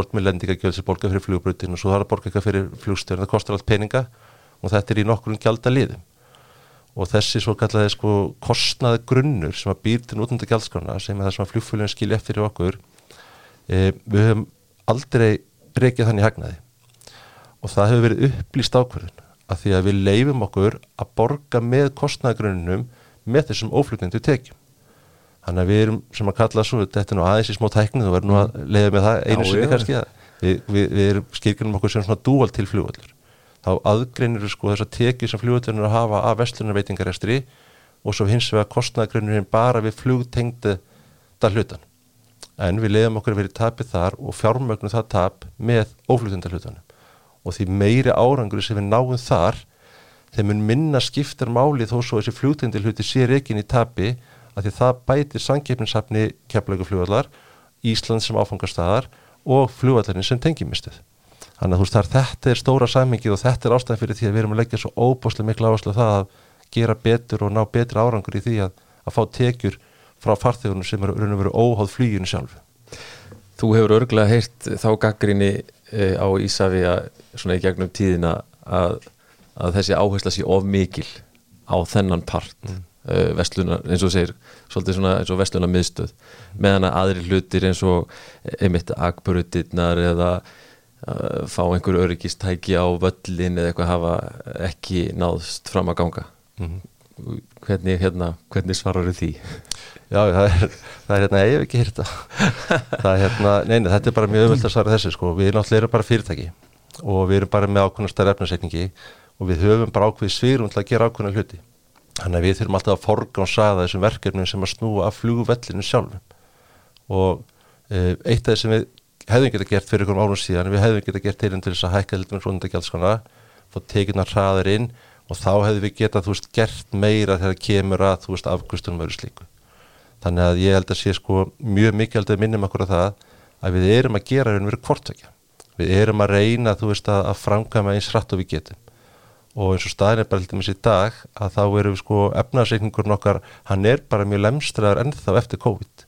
Við erum með hérna til dæmis hérna lánsafni okkar, það eru fjárastlegu skilir sem eru á öllu lánunum okkar, langstæstu hlutunum af lánunum okkar. Við erum ekki enþá búin að uppfylla þau eftir COVID því við erum enþá að byggja upp sko afkomin okkar. En á sama tíma þá er tölvið lánsfjár þörf fyrir næsta ár. Þannig við erum að tegja okkur alltaf eins og við mögulega getum innan þess ramma sem að efnaðarsreikningurinn býður upp á. Þess vegna erum við svona að leggja svona miklu áherslu á það að fáinn tekjur annar staða frá líka. Og þær tekjur koma inn og það býr til svírumið til að gera þessar hlutir sem að þú ert að tala um því veist, ég er alveg samanlega, það er fullt af hlutir sem við viljum gera og þurfum að gera en við þurfum að fá inn tekjurna því að þrátt fyrir það sko að mér finnir stundum eins og eins og sé lítið okkur sem óvendarlega peninga uppsprettu mm. sem að getur þetta nýta í hvað sem er að þá er okkur bara veist, það er ákveð rými sem að við höfum bara svírum til þess að reyfa okkur inn Mm -hmm. Þannig eins og þú ert að leggja upp þetta, þetta, þetta hangi saman það byggja upp völlin og innviðina, öryggiskerfið og allt það að hangi með því líka að uppbyggingi sé á hinu sviðinu líka sem tengist verslunarekstri og, og, og þjónustu í flugstöðinni Algjörlega og bara getur sett það bara, hannig, bara, bara mjög bara skýrta að ef okkur e, tekst illa Já. ég er búið til þessar sko óflugtengdu tekjur þá mun það hafa þau áhrifa að við munum þurfa að hægja á framkvæmdum Mm. og svo væs versa. Mhm. og veist, við góð, veist, við höfum verið að ná mjög góðum árangur það við höfum verið að fá fyrir COVID og að fá um 45% af öllum tekjum fljóðallarins koma úr þessum óflutnenda hluta sem eru vestlanir, veitingar, bílastæðir, útulegu bílar og allir þessi hlutir sem er greiðlast á hluta tekjunum. Við viljum fá þetta herra hlutfall og ef að það tekst hjá okkur að þá veitur okkur ímið til að framkama hraðar á fljóðutilum sem að skýla sér þá til fljóðfélagan og farþegan Mhm. þannig að þetta, þetta, þetta, er algjört beint samingi þarna milli þessar að tekja hluta. Já, e, ég, ég kannski fari í oftæknilega hluti en láta vaða hérna samt það er í, í mínum hópi, flugmannahópi hefur verið á síðustu árum oft talað um nöðsinn þess að fá svona ground movement radar. Mm er þetta eitthvað á sjóndaldaringnum? Já, já, og, já. já, já, algjörlega Þeim ég skýrst þetta sé til sko sem bara hillu vara hjá einhverjum framleiðendum eða bara spurningum sjálfsagt peninga eins og alltaf Já, þetta er, þetta er spurning um pening og hérna, og, en þetta er búið að vera ratarnum lengi Já. og hérna eins og þú þekkir og, og hérna bara þakkluti fyrir það að þú skulle spyrja þessa spurningu og verða kurtið svona átt en hérna, en þetta er einmitt eitt af þeim verkefni sem að sem að kannski eh, við höfum ekki náðu að gefa nægilega sterkangu hmm. Og sínu tíma ef ég man rétt að þá hérna, þá voru við að horfa til þess að Tern sem er sem sagt uh, dóttifélag í Savi ANS sem er í svona hérna hugbúnaðarþróun. Og þá var hortið þess hvort að Tern geti komið að þessu verkefni með einhverjum hætti. Svo gerast bara þessi hlutir svo þú veist fellur váer, svo kemur COVID og þetta er eitt af þessu mörgu verkefni sem einhvern veginn svona bara fara hans til hliðar. Mm -hmm. en ég get glattið með því að, hérna, að, að við erum núna bú, búin að hefja sagt, undirbúningur að þessu verkefni er hafin á ný formlega Frábært að Því að þetta skiptir miklu mál og, og, hérna, og þetta er bæði öryggismál en að stæsta leitinu þá er þetta samt afkastamál. Klálega, þetta er alveg samhangandi. Þetta er alveg samhangandi og, hérna, og það sem að ég er svolítið, hérna, mér er svolítið mikilvægt einmitt að því að okkur er svolítið tamsi vinnum á fljóðvellu og ég þarf að passa mér svolítið sjálfur að þegar okkur vantar eitthvað þá veiðum við sko öryggisúttakinu en hérna eh, ef það kemur þoka, bara svona fyrir sko leikmennina líka, ef það kemur þoka og það er mikil þoka að, að skikni fyrir niður fyrir eitthvað ákveðið þá er bara einn reyfing á fljóðvellinu leifileg. Mm -hmm. Því það, þú veist, afgustin bara að rinja niður en það er einmitt sko mildunar aðgerðin gegn áhættunni að það er að vera með einar heifingu þannig að ef við erum komið þetta kerfi að þá verður mildunar aðgerðin svo að, að, að veist, við, við, veist, við þurfum ekki að grípa til eins hardra mildunar aðgerða einmitt. þannig að við erum ekkert að okna öryggi á fljóðallinu þráttur að það veri ekki með þetta kerfi en við munum geta sko viðhaldið afkvöstunum þegar þókn kemur ánum þess að öryggis okna Akkurat. þannig að það er svo mikilvægt að við séum að hérna, einmitt þegar við fyrir að tala um þessa hluti að þetta er í grunninn afkastamál mm -hmm. af því að við mætum alltaf örygginu með mildunar aðgerðuna af því að við erum á flúvelli Akkurat Þá þetta mér í hug líka svona þessu tengt sko erum í þessar umræðu með, með varaflugvalla umræðina á mm -hmm. Íslandi og hérna það er búið að vera mikil umræðin um það svona auka uppbygginguna þar til þess að geta bara tekið við mögulega allir þessar auknu flugumferð sem er inn og út úr kemlaug hvernig er svona staðan á þeim framkvæmdum? Getur þau svona upplýst að eitthvað? Já, sko, bara fljóvallar hugtækið er, ég held að Ísland sé eitt af þeim löndum í heiminum eða bara einlandi í heiminum sem að nota þetta hugtæk svona greiðlega mikið í allir almennu umræðu því að sagt, varafljóvallur er bara fljóvallur e, varafljóvallur hefur enga sérstöðu umfram það að vera fljóvallur í raun og veru allir fljóvallir eru varafljóvallir nema hérna á Íslandi þá erum við með þrjá fljóvallir fyrir auðvitað keflægufljóvall sem geta tekið við sko fljóvélum af þeim stærðum sem eru að fljúa til Keflavíkur. Mm -hmm. og það er á Akkurir, Eilstöðum og Reykjavík. Og flugfélug sem fljúa til Íslands eh, sem sagt, þurfa að skrá, eða þess að flugfélug sem eru að fljúa við hafið þurfur að vera að skrá varaflugall og við erum með til dæmis hérna, flugfélug sem eru að fljúa beintin í hafið það eru mörg þeirra sem alveg pottit er að skrá Keflavíkurflugall sem varaflugall og við vitum ekkit að því, það er bara allt inn ekki flugvél og þarf að lenda og, og hún fær, fær bara að lenda. Mm -hmm. þannig að hérna, eh, þannig að umræða hún er svolítið, hérna, hún er svolítið skrítin. En enga síður og þá skiptir þetta samt máli að því að sko fyrir sérstaklega sko sérstaklega hérna ef við horfum bara á innlendu flugfélögin það geta sagt, verið með vara flugvöld af Íslandi þýðir það að þau dragur restarkostnaði -hmm. þannig þeir eru upp í stæði að það verður kostnaðamál fyrir flugfélögin. Og auðvitað skiptir það máli fyrir okkur eh, hvort sem það kemlauguflugvöldir eða, eða hérna, auðvitað kemlauguflugvöldar að, að það sé til ekstra umkörfi sem er bara gott fyrir flugfélögin. E, það sem aftur á móti er, er, er svolítið e, skríti í þessari umræðu er það að sko nú ertu með þessa þráfljóðvöldi og þeir geta tekið við sko millilandafljóði e, gera verkum að fljóðfélagin skráðu sem var að fljóðvöldi en á sama tíma veltum að fyrir sér eiga þá fljóðfélagin að borga sérstaklega fyrir það að geta skráðu sem var að fljóðvöldi eða átabæri vera hjá okkur eins og allstæðanastar í heiminum að það eru bara til staðar innviðir sem geta tekið við þessu óháð því hver þörun er hverju sinni mm -hmm. og það var hérna á sín tíma þegar hérna Æslandi er og, og, og hérna og Váer voru sem staðist að sko uh, þá hefðu við líklega þurft sko til að allar vélarnar hefðu alltaf geta skráð einn og sama fljóðvöldin það verið að búa til fullt, fullt af innviðum á þeim fljóðvöldi og við þessu litla Íslandi það er bara ekki fjárhúsleitt svigrum til þess. Mm -hmm. og það er að gera eitthvað til þess að bæta sagt, afkvöstin en í grunninn að þá hefur líka verið annar miskilingur að það er að ef allir þeimist flugvöldur gerður sem sagt afkasta meiri þegar kemur að svo varaflugvallan notkunni og þá er þetta til að segja eistaflugvall að þá væri þetta að gera kannski agbrutið eitthvað meðfram flugbrutinni eða þetta koma niður ykkur um fleiri flugvöllum en það myndi ekki gera eigilstaflugvall hæfari því að taka við millilandaflugi af því að þá er flöskuhálsin á þeim flugstöðin. Og sem sagt í varaflugvalla hérna notkunni þá er engin þörf sérstök á sko flugstöðinni. Þá þurfti kannski meira að velta fyrir sig hvað ef allt inn komið fullt af flugulum á jörðinu og það er ekki til sko, á eilstum mm -hmm. þannig að það þarf að horfa þetta í miklu svona starra samingi og það er búið að blanda allt og mikið saman umræðinu um varaflugulli millilandaflugulli fyrir utan keflaguflugull og innlandsflugullakerfið þannig að þetta komið í svona eina svolítið svona súpu þannig að umræðin hefur verið svolítið svona tvist og bast oh. og svo hefur komið kræfið það í Savi að borgi bara fyrir þetta að því bara veist, þannig, að, þannig, að, veist, þannig að það þarf að horfa svolítið á þetta sko heilstætt en þetta er, þetta er alveg mikilvægt að það séu til staðar millilanda fljóðvillar í Íslandi fyrir utan kemleikufljóðvill óhóðallu öðru. Og, og kannski eins og þú segir ekki síst hvað fyrir náttúrulega þessi flugfélög sem að gera hérdan út kannski og eru mest inn og út úr kemlaug að þetta skiptir náttúrulega heilmjöglu máli eins og nefndi varandi kostnað, varandi það að bera elsneiti og þá kemur að koma umhverju sjónamiðin inn í það og, og alls konar fleiri þættir. Já, já, algjörlega og, og hérna, en þú veist þegar kemur að því sko hvernig að fjármagna þetta því allt leipur til einhverju miljörðum að ef það eru tekník fjármunir frá keflauguflöðli í þetta þá er ekki til fjármunir til þess að bæta sko flugbútakerfið að bæta við fermeturum í flugstöðuna mm -hmm. þannig að þá detti sko þjónustu stíð og vaksta möguleikunni niður þar. E, á að taka þetta úr ríkisjóði e, mögulega, þú veist það sem er að gerast hún til þessum agurafljóðli, að það er verið að taka fjármagn úr ríkisöðu til þess að stekka agurafljóðl, það er verið að stekka fljóðlega þar og það er verið að bæta sko fljóðstöðina mm -hmm.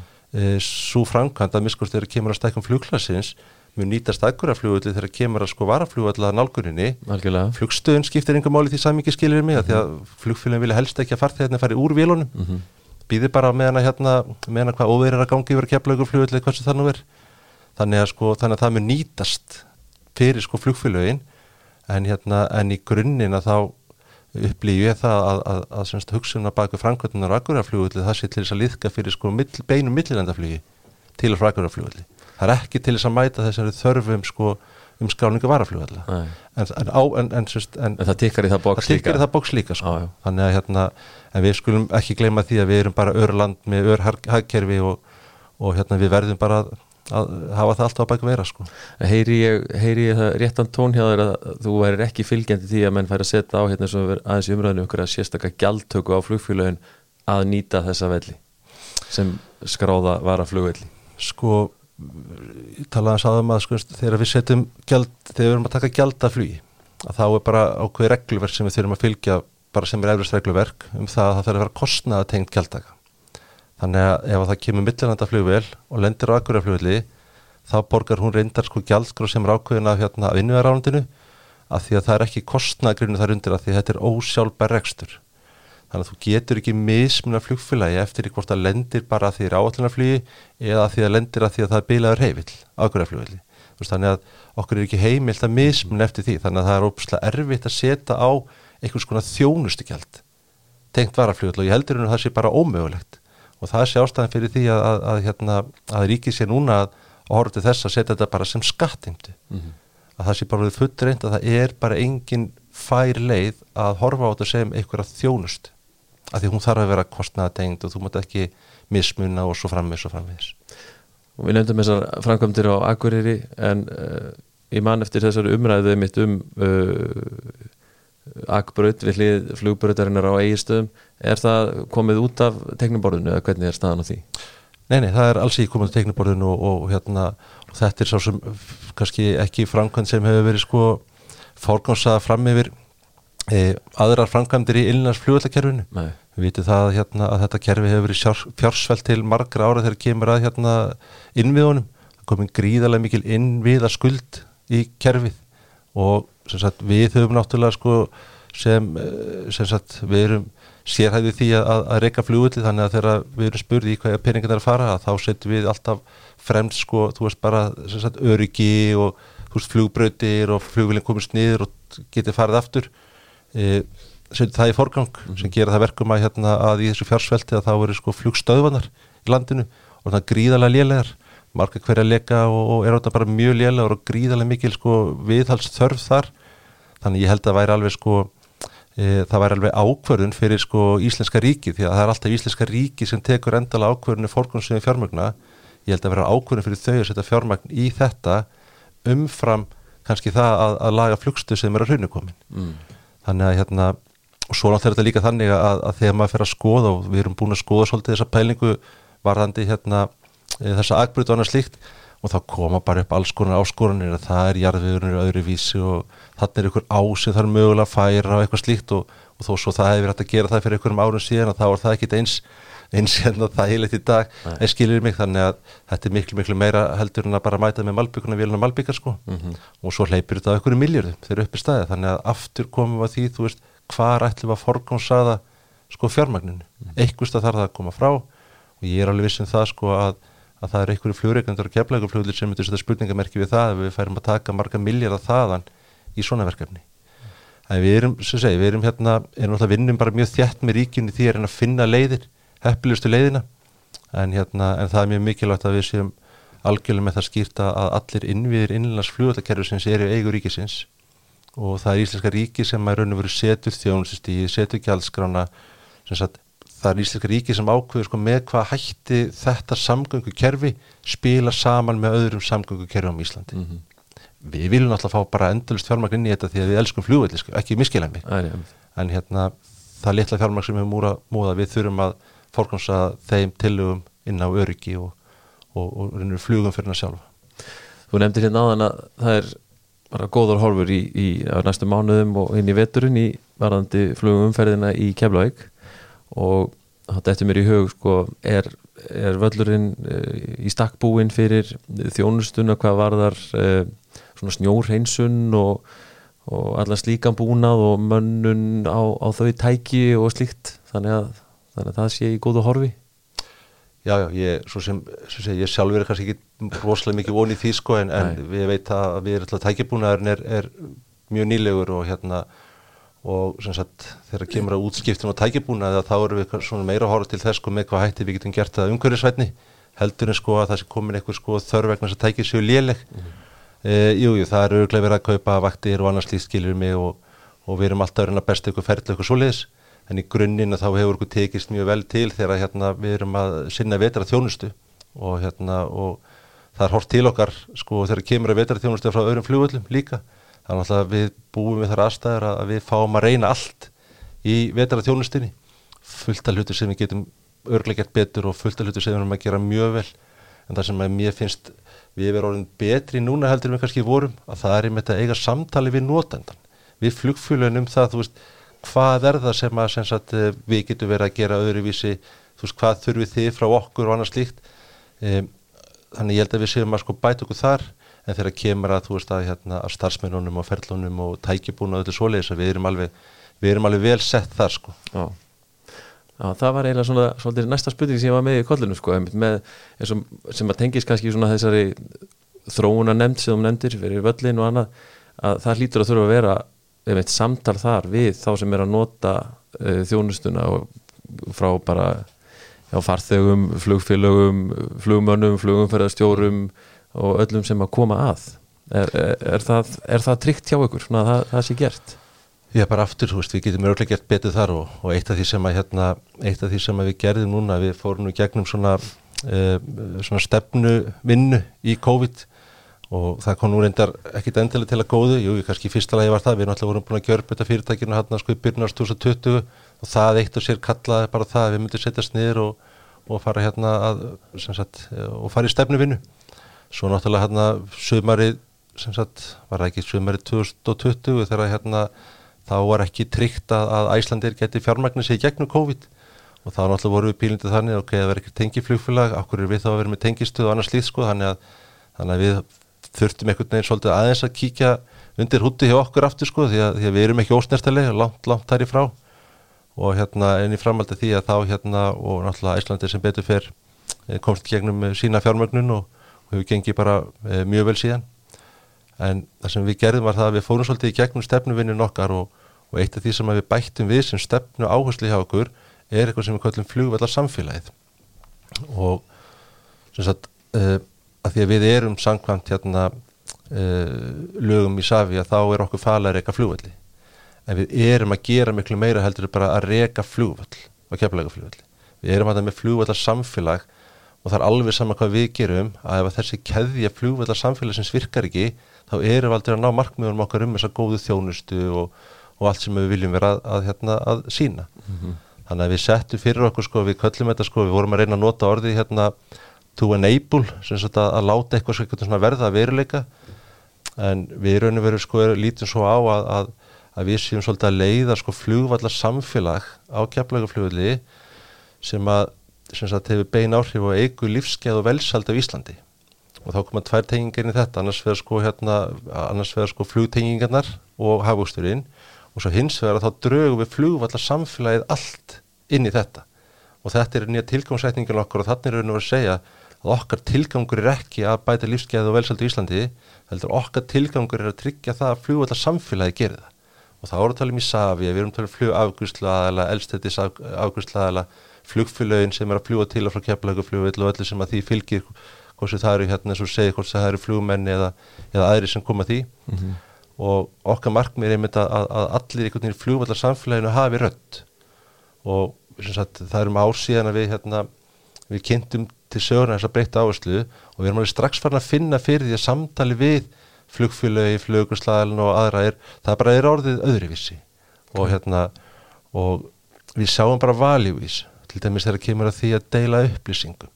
Veist, fullt af gögnum sem eru flæðandum allan flugvöldin sko fram og tilbaka sem að stundum er þetta gögn sem við veitum hvað við gera með stundum veitum við ekkert hvað við gera með. Við þurfum að passa upp á það að þetta sé aðgenging, aðgengilegt fyrir alla svo allir getur tekið ákvarðinir byggt á bestu gögnunum. Þannig að þessum út að segja sko með flugvallar samfélagið mm -hmm. við vitum ekki alltaf allt best. Nei, nei, það er bara þannig og við vitum það bara mjög vel sko. Það er -hmm. óbáslega margt sem við vitum og við þurfum að deila því líka út af við. Mm -hmm. en við þurfum líka að vera reyði búin að taka við sko þörfunum frá hérna okkar viðskiptafinum og viðskiptafélugum og taka þá það samtal einmitt. taka það samtal og, og líka ekki bara taka samtal veist, við verum líka að geta leift okkur það að hafa mismunandi skoðanir og, og hérna og við erum til dæmis eitt af því sem að sem að við erum að vinna í hérna, við erum í greiðla stóri svona, stóri svona menningavegferð e, hjá móðufélaginu og hérna þar sem að raun og veru við sjáum fyrir okkur, við sjáum að við þurfum að byggja allt sem við gerum á tröst innan fyrirtækið og svannað, en svo er líka mikilvægt sem að hérna við erum svolítið að tala um núna að, að við, við þurfum að geta tekist á. Og við getum, við getum tekist á við gerum ekki þannig að ég tekist alltaf vita betur en þú, ég er bara reyðbúin að hlusta þig og þú er reyðbúin að hlusta mig og við kannski erum við ekki endilega sammali við komumst að samveilu niðurstu að því við erum loksisvættin að geta að tala saman. Mm -hmm. þú veist með hagsmunni flugvallarins uh, að leðaljósi ekki bara ég að passa upp á þú veist kostnaði minni eða, mm -hmm. eða þú að passa upp á það að þú komir sér hraðast út af flugbröðinu skilir við bara við náum að horfa á þessa heildamind og við erum svolítið að þjálfa okkur bara í því og, hérna, og þannig getur við orðið betri sko, flugvallur og flugvallarsamfélag Þetta er ágætis ágætis hérna, punktur Já, þetta, ég, ég er mjög spenntið, ég, ég, ég, ég lít svo að við erum búin að fara í gegnum gríðarlega mikið vöxt og við erum mm -hmm. búin að fara í gegnum heimsfaraldur sem hefur haft gríðarlega áhrif á okkur og, og ég held sko, hórt tilbaka að þetta verkefni er það mikilvægt sem við nokkuð tíma tekist á hendur hjá félaginu, þannig að hérna, að já, þetta er, þetta er virkilega spennand og skemmtilegt, skemmtilegt verkefni. Mér langar að nefna eitt í viðbóti varandi kemlauguflugul, uh, hérna, við erum alltaf að tala um farþega og upplifum farþega og, og slíkt. Vöruflutningar er að aukast mjög mikið kargóið og, og umferð þess bara um völlin og menn er að kannski sjá þú veist að það getur verið einhver tækifæri þar á næstu missurum árum eins og, eins og í farþega fjöldanum er þetta að koma svona eitthvað inn á borð til ykkar þá varandi þeimitt aðstöðu, umgjörð og ógsvo framvegs? Já, alveg klárlega og, hérna, og við uppferðum sko til dæmis þess að þróunar átlum sem ég sagði ekki frá hérna, mm. þetta masterplanið e, bara nú í sömar og það var einmitt sko svona, svona frækt svæði gert herra undir höfðu heldur en sko heldur en áður hefur verið gert og það var unnið svona meira í samaráði við sko hérna e, í, við frækt flugfélagin heldur en áður. Þannig að við erum að sjá fyrir okkur að síu gríðarlega mikil tækjafæri þar til framtíðar. Mm -hmm. það er að vera gríðarlega mikil auki til dæmis e, lagseldi á Íslandi. Einmitt. og hérna og ég hef alveg spurt sjálf að mig sko hérna þú veist við erum tengið mistu fyrir fartíða þú veist hvað með fræktina og það hefur bara verið þannig að, að eins og tala um að við erum til að lítið í stóru saminginu þá erum við náttúrulega lítið land og við höfum svolítið þurft að fórgánsaða hlutunum sko að því það sem hefur verið mest aðkallandi. En það er klárlega að tækja færi í frektinni og, og, og, hérna, og þróun állinu hún endur spekla það. Mm -hmm. og nú er það bara sem spurningu það sko eh, hversu rætt við förum í það? Hvort að í safi að þurfu endilega verið í einhverju leiðandi sæti að öðru leiti heldur en bara að þú veist að tryggja það þú veist að það settir staðar einhver aðstæðum einum örum hætti. Mm -hmm. þannig að hérna, en, en já, ég held þessi klálega stór tækjafæri þar. Uh, Það er uh, alltaf í umræðinni um, uh, þá er þessi blessaði Reykjavíkuflugullur fram og tilbaka, ég ætla nú kannski ekki að eða neitt stórum tíma í það núna en, en maður tók eftir því núna, ég held að veri bara í sumar eða, eða í vor, kannski í tengslum við sveitasjóttakostningar sem að umræða kemur um völlin einu sinni sem oftar og, og hérna og þessar þrengingar borgar yfirvalda að vellinum og slíkt. Og Ísafja gerði sig aðeins svona gildandi þar það var svolítið svona fyrir, fyrir mig og ég heit marga fleiri bara svona skemmtilegt á að horfa að, að það kæmi svona þau sjónamið fram var þetta svona meðvituð ákvörðun sem var tekin á ykkur þar? E, já, já, hún var alveg meðvituð og kannski ekki endilega til þess að gera okkur gildandi umræðinni það snýr kannski meira því að sko Reykjavík flugullur er hjartaði hérna í innlas flugvallakerfinu mm -hmm. og uh, við í sjálfu sér höfum ekkert ákvörðun að valdi við því hvort hann verði eða verði ekki eða, eða, eða, eða annars líkt. Mm -hmm. Það sem skiptir máli fyrir okkur er það að sagt, eh, okkur er falið ákveði hlutverk að það er að reyka hennar flugvall og svo er alls konar umræða. Við vorum komið með hérna, það komið fullt af fólki sem er orðin sérhæði hérna í, þú veist, í einhverjum vindi kringum flugbröðir og aðflugi og, og ég veit ekki hvað og hvað og það sem okkur fannst bara mikilvægt var það að við myndum stíga fram og í raun og veru ef það er tekin ákvörðun um að þrengja flugvöldunum þá hefur það bara einhverjar afleðingar okkur fannst bara svo mikilvægt að þær afleðingar kæmi bara skýrt fram. Og það hefur afleðingar að þrengja að flugvöldi það dregur úr nýtingastöli það ykkur ekkit endilega sko, það dregur ekkit úr örginu því að við munum vera með einhverja mótvæðis aðgerir skiluru mm. þegar það kemur að örginu sem þýðir það bara að flugvöla geta ekki lent við ákveðin skiliri einhver sjúkraflug þurfa frá að hverfa við einhver ákveðin skiliri við erum ekkert að hafa skoðun á því sko hvort það sé rétt að gera þetta eða ránt og það finnst bara svo mikilvægt að þeir sem að taka ákveðin á endanum viti bara nákvæmlega hvað verið er að ákveða. Það er ekki verið að ákveða að færa einhverja gerðingu eða taka eitthvað land undir einhverja byggingu. Það er verið að ákveða það, þú veist, að gera það verkum eitthvað flugvil geti ekki lent við ákveðinu aðstæður. Mm -hmm. Þannig að þess vegna stígum við svolítið inn í umræðina einmitt, bara til þess að sé alveg á hreinu að þeir sem að taka endilega ákveðinu vita bara hvað þetta þýðir. Mm -hmm. Það var svolítið svona markmið með því að koma aðeins fastar inn í þessu umræði. Skilaði þetta á árangri? Ég held að það hefði skilið þeim árangri að það sé aðeins meiri skilningur af því þú veist um hvað máli snýst. Mm. En hérna það er ennþá þæfingur um þetta mál sko millir borgarinnar og ríkisins en, en þæfingurinn hann ánáttúrulega bara að vera þar en við getum ekki tekið þessa endalvu ákvörinu það þú veist hvort það er að færa einhverja gerðingu eða ekki til dæmis að því að við getum ekki tekið ábyrða þeirra ákvörinu hvort það getur lent flugvili eða ekki. Það er alltaf aðri sem að íslenska ríki, það er, það er íslenska ríki sem ákveður þjónustustíði hvort sem það er áallinarflug eða, eða sjúkraflug dæmis. Þú talaður um áðan hérna rörlegar eh, eða svona viðhalds uh, viðhaldsþörf á, á flugstöðum innanlands. Mm. og hún er sennilega hverki meiri en á Reykjavík-flugli uh, eða hvað? Jú, jú, hún er sko Hún er allavega rík er, þar. Hún er rík þar og já, hún er, hún er, hún er öðru í vísa Reykjavík-flugli heldur en við erst annar staðar en hérna, en þetta er ekki til fyrirmyndar að, að bjóða upp á þessa flugstöði hérna í hjarta ilnarsfljóðikerfisins, ég held að við getum alveg verið sammálið um það og, og hérna eh, en þegar kemur að sko flugstöða á Reykjavíkafljóðili að það gildir að samum hana eins og aðra flugstöðar svo framkvæmd eða svo bygging einu sér stendur bara ekki undir sér. Mm -hmm. þannig ef við að horfa á sagt, það að byggja sagt, nýja flugstöða á Reykjavíkafljóðili þá er ekki hægt að gera þannig að hún muni skila fjárasleiri afkomi en hún getur skila eitthvað samfélagsleiri afkomi og annað slíkt. En þá þarf ríkið alltaf að koma að því með einum öðrum hætti. Því Íslenska ríki er eina fyrirbærið á Íslandi sem getur leift sér að koma með fjármagnin í verkefni sem að þurfu ekki að skila fjárhásleiri arsemi heldur getur reiknað sér upp í það að þessi arbart fyrir heildina út á samfélagslegu áhrifunum Finnst þér svona það verið aðeins verið tæft á þessar umræðu sko skipulagsvald sveitarfélaga og versus ríki svona þegar kemur að skipulagsvaldi við flugöldum mm -hmm hefur einhverju skoðun á því svona hvernig, hvernig væri best farið með það? Nei, sjálfur sér ekki sko það sem að skipti mál og það sem snýra okkur er það í raun og verið að sagt, eh, ef við horfum bara innlandsfljóta kerfið það er bara samgöngu kerfi og það er sko, það er ekkit endilega einstök sveitafélug sem taka ákvörðinu það þú veist með hvað hætti það samgöngu kerfi hvernig það virkar en ef að fljóvöllur er staðsett í ákvörðinu sveitafélagi þá gilda bara ákveðna reglur um þú veist, flugtæknilega reglur þegar kemur að aðflugi og einhverju landsvæði og öryggisvæði og einhverju svona og það þarf bara að tryggja það að það sé virt. Mm -hmm. Það er einhverju einu sem þarf að passa upp og sem að snýrað okkur. Því um leið og hérna þú fyrir að byggja byggingu í einhverju öryggisvæði þá ertu búin að taka út sko hérna notkunna á flugvöldinu. Vingar sérstaklega skoðan að hvað það liggur. Nei. Það skiptir bara máli að það sé bara tryggt að flugvöldinu sé funkarandi og það er líka mikilvægt að, að horfa á það að sagt, e, þú getur illa hort bara á einstakam flugvöld. Þú verður að horfa á, á innanlands flugvöldakerfið í heilsinni og bara hvernig það er raun og veru sko vinnu bara með öðrum samgöngum átum á Íslandi.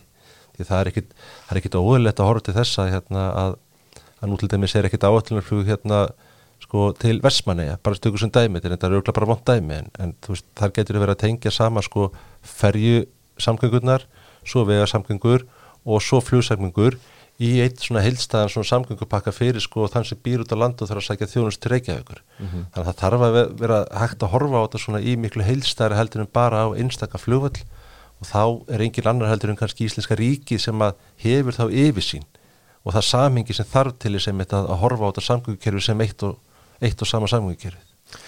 Hvernig, hvernig sér þau fyrir þér svona ef eitthvað svona á næstu missurum árum með Reykjavík flugvall er er að verða einhver þróun þar er eitthvað, er eitthvað svona framöndan að gerast þar eða er þetta svona er það að horfa svolítið á samu sem er kannski svona stöðnun að mörgu leiti svona í, í, inn á vellinum Já sko Reykjavíkufljóðullur það er náttúrulega, veist, ég upplifa sjálfur að sé náttúrulega bara eitthvað ákveðin svona störukeppni gangi mm -hmm. og hérna Sammála. og vera að leita eftir einhverjum öðrum hérna að miskosti jafngóðum fljóðvallakosti og það minnum okkur það að þetta hleypur á 20 miljardar hérna og eppil 100 miljardar að setja upp nýja fljóðvallakost. Þannig að ég hef alltaf hort svolítið á þannig að, að fyrir okkur á litla Íslandi að það var ekkit endilega skinsalir ástöðum fjármaks e, að fara að byggja upp eitthvað sko sambarlegan kost og svo er það bara þannig að, að hérna og kannski er ég að tala pílniti óvalega núna því að sko í Savia sko við rekum fljóðvallin eftir þjónussamningi en fyrir mig eins og ég hef alltaf horta á þetta að innlæðisflugvöldakerfið er bara leið til þess að flytja þjónustu út á land. Og þú veist aðkongur að mentun, aðkongur að hilbriðiskerfinu, aðkongur að stjórnsýslinu stjórnsýslan er hérna sko í, í, svo til öll í miðbæri Reykjavíkur. Og þó svo er byggðu flugvöldur eitthvað staðar sem er sko flugtæknilega ja, góður eða betur Reykjavíkur flugvöldur að þá ertu búin að færa þjónustuna frá landsbyðinni samt sem áður bara út af vegalindin sem tekur að komast ánga þannig að veist, við þurfum einhvern veginn við þurfum einhvern veginn að horfa bara á þetta veist, af hverju erum við með innlands fljóðleikerfi það er bara til þess að jafna aðgang uh, hérna, hérna fólks á Íslandi að hérna tjónustu, mm -hmm. ofnbyrri tjónustu og þýlitunum til er ekki eitthvað fljóðleiker á frábærum stað.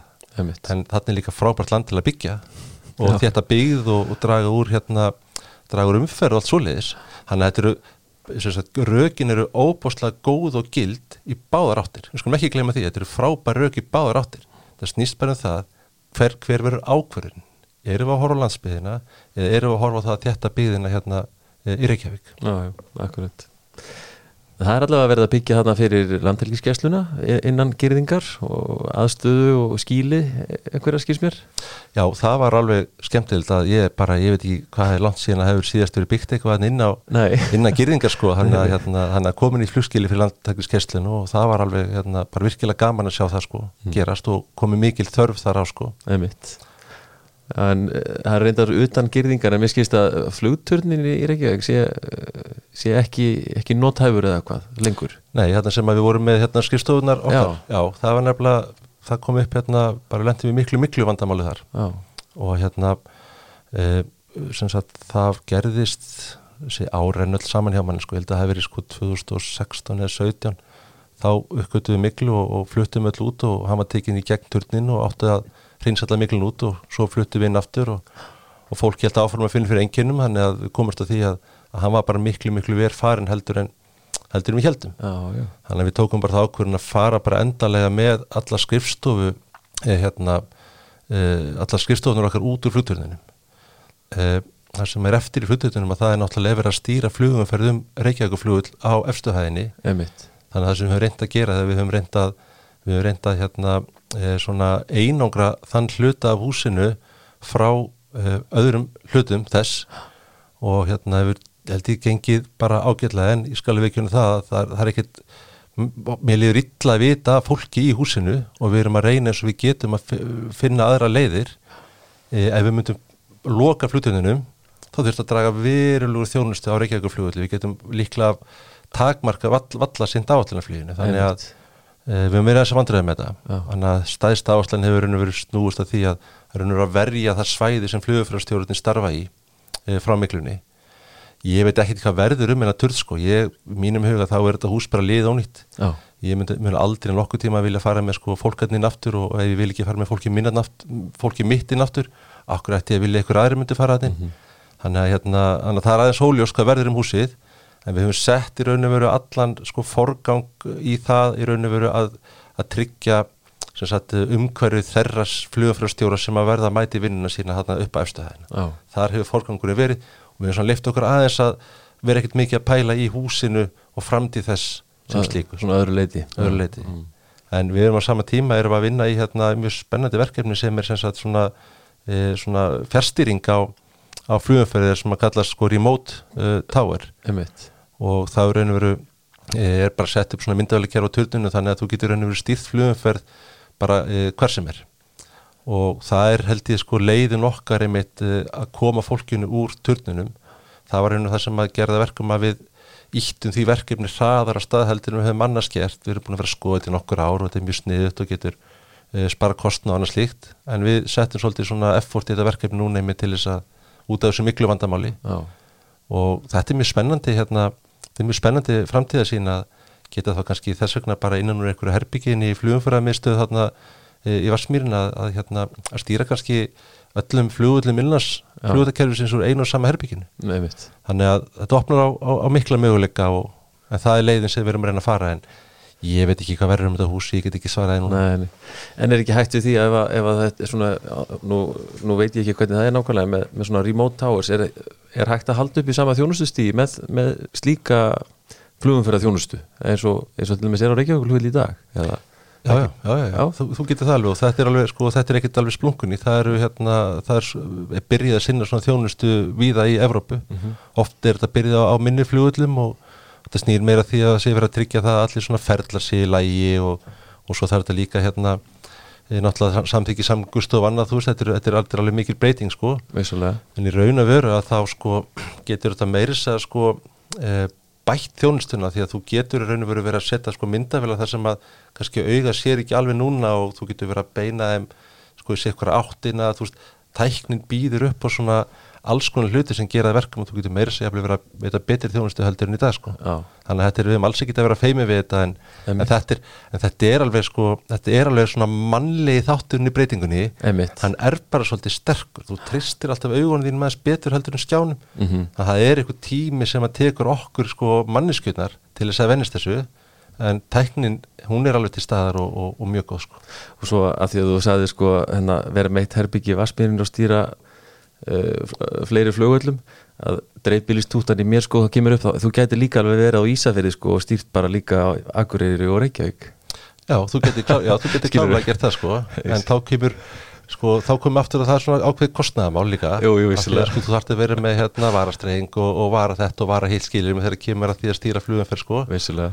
og það er ekki sínt sig að hérna, sé alltaf gott öryggi þar sko þannig að þá komum við að öðru vandamálu sko hérna í Íslandi, við erum það lítilega við getum ekki tryggt sko einhvers konar flutninga öryggi á einhvern hlutum út á landsbyðina og svo komum við líka hínu sko að, að það er einmitt hérna sem að sem er að við erum með náttúrulega sko flugumfyrastjórar e, þetta er mikil þjálfun sem þarf og, og þetta er líka síðþjálfun og þetta er líka þú veist aðgangur að skólanum og annars líð sko. Þannig að, hérna, þannig að það er fullt, fullt, fullt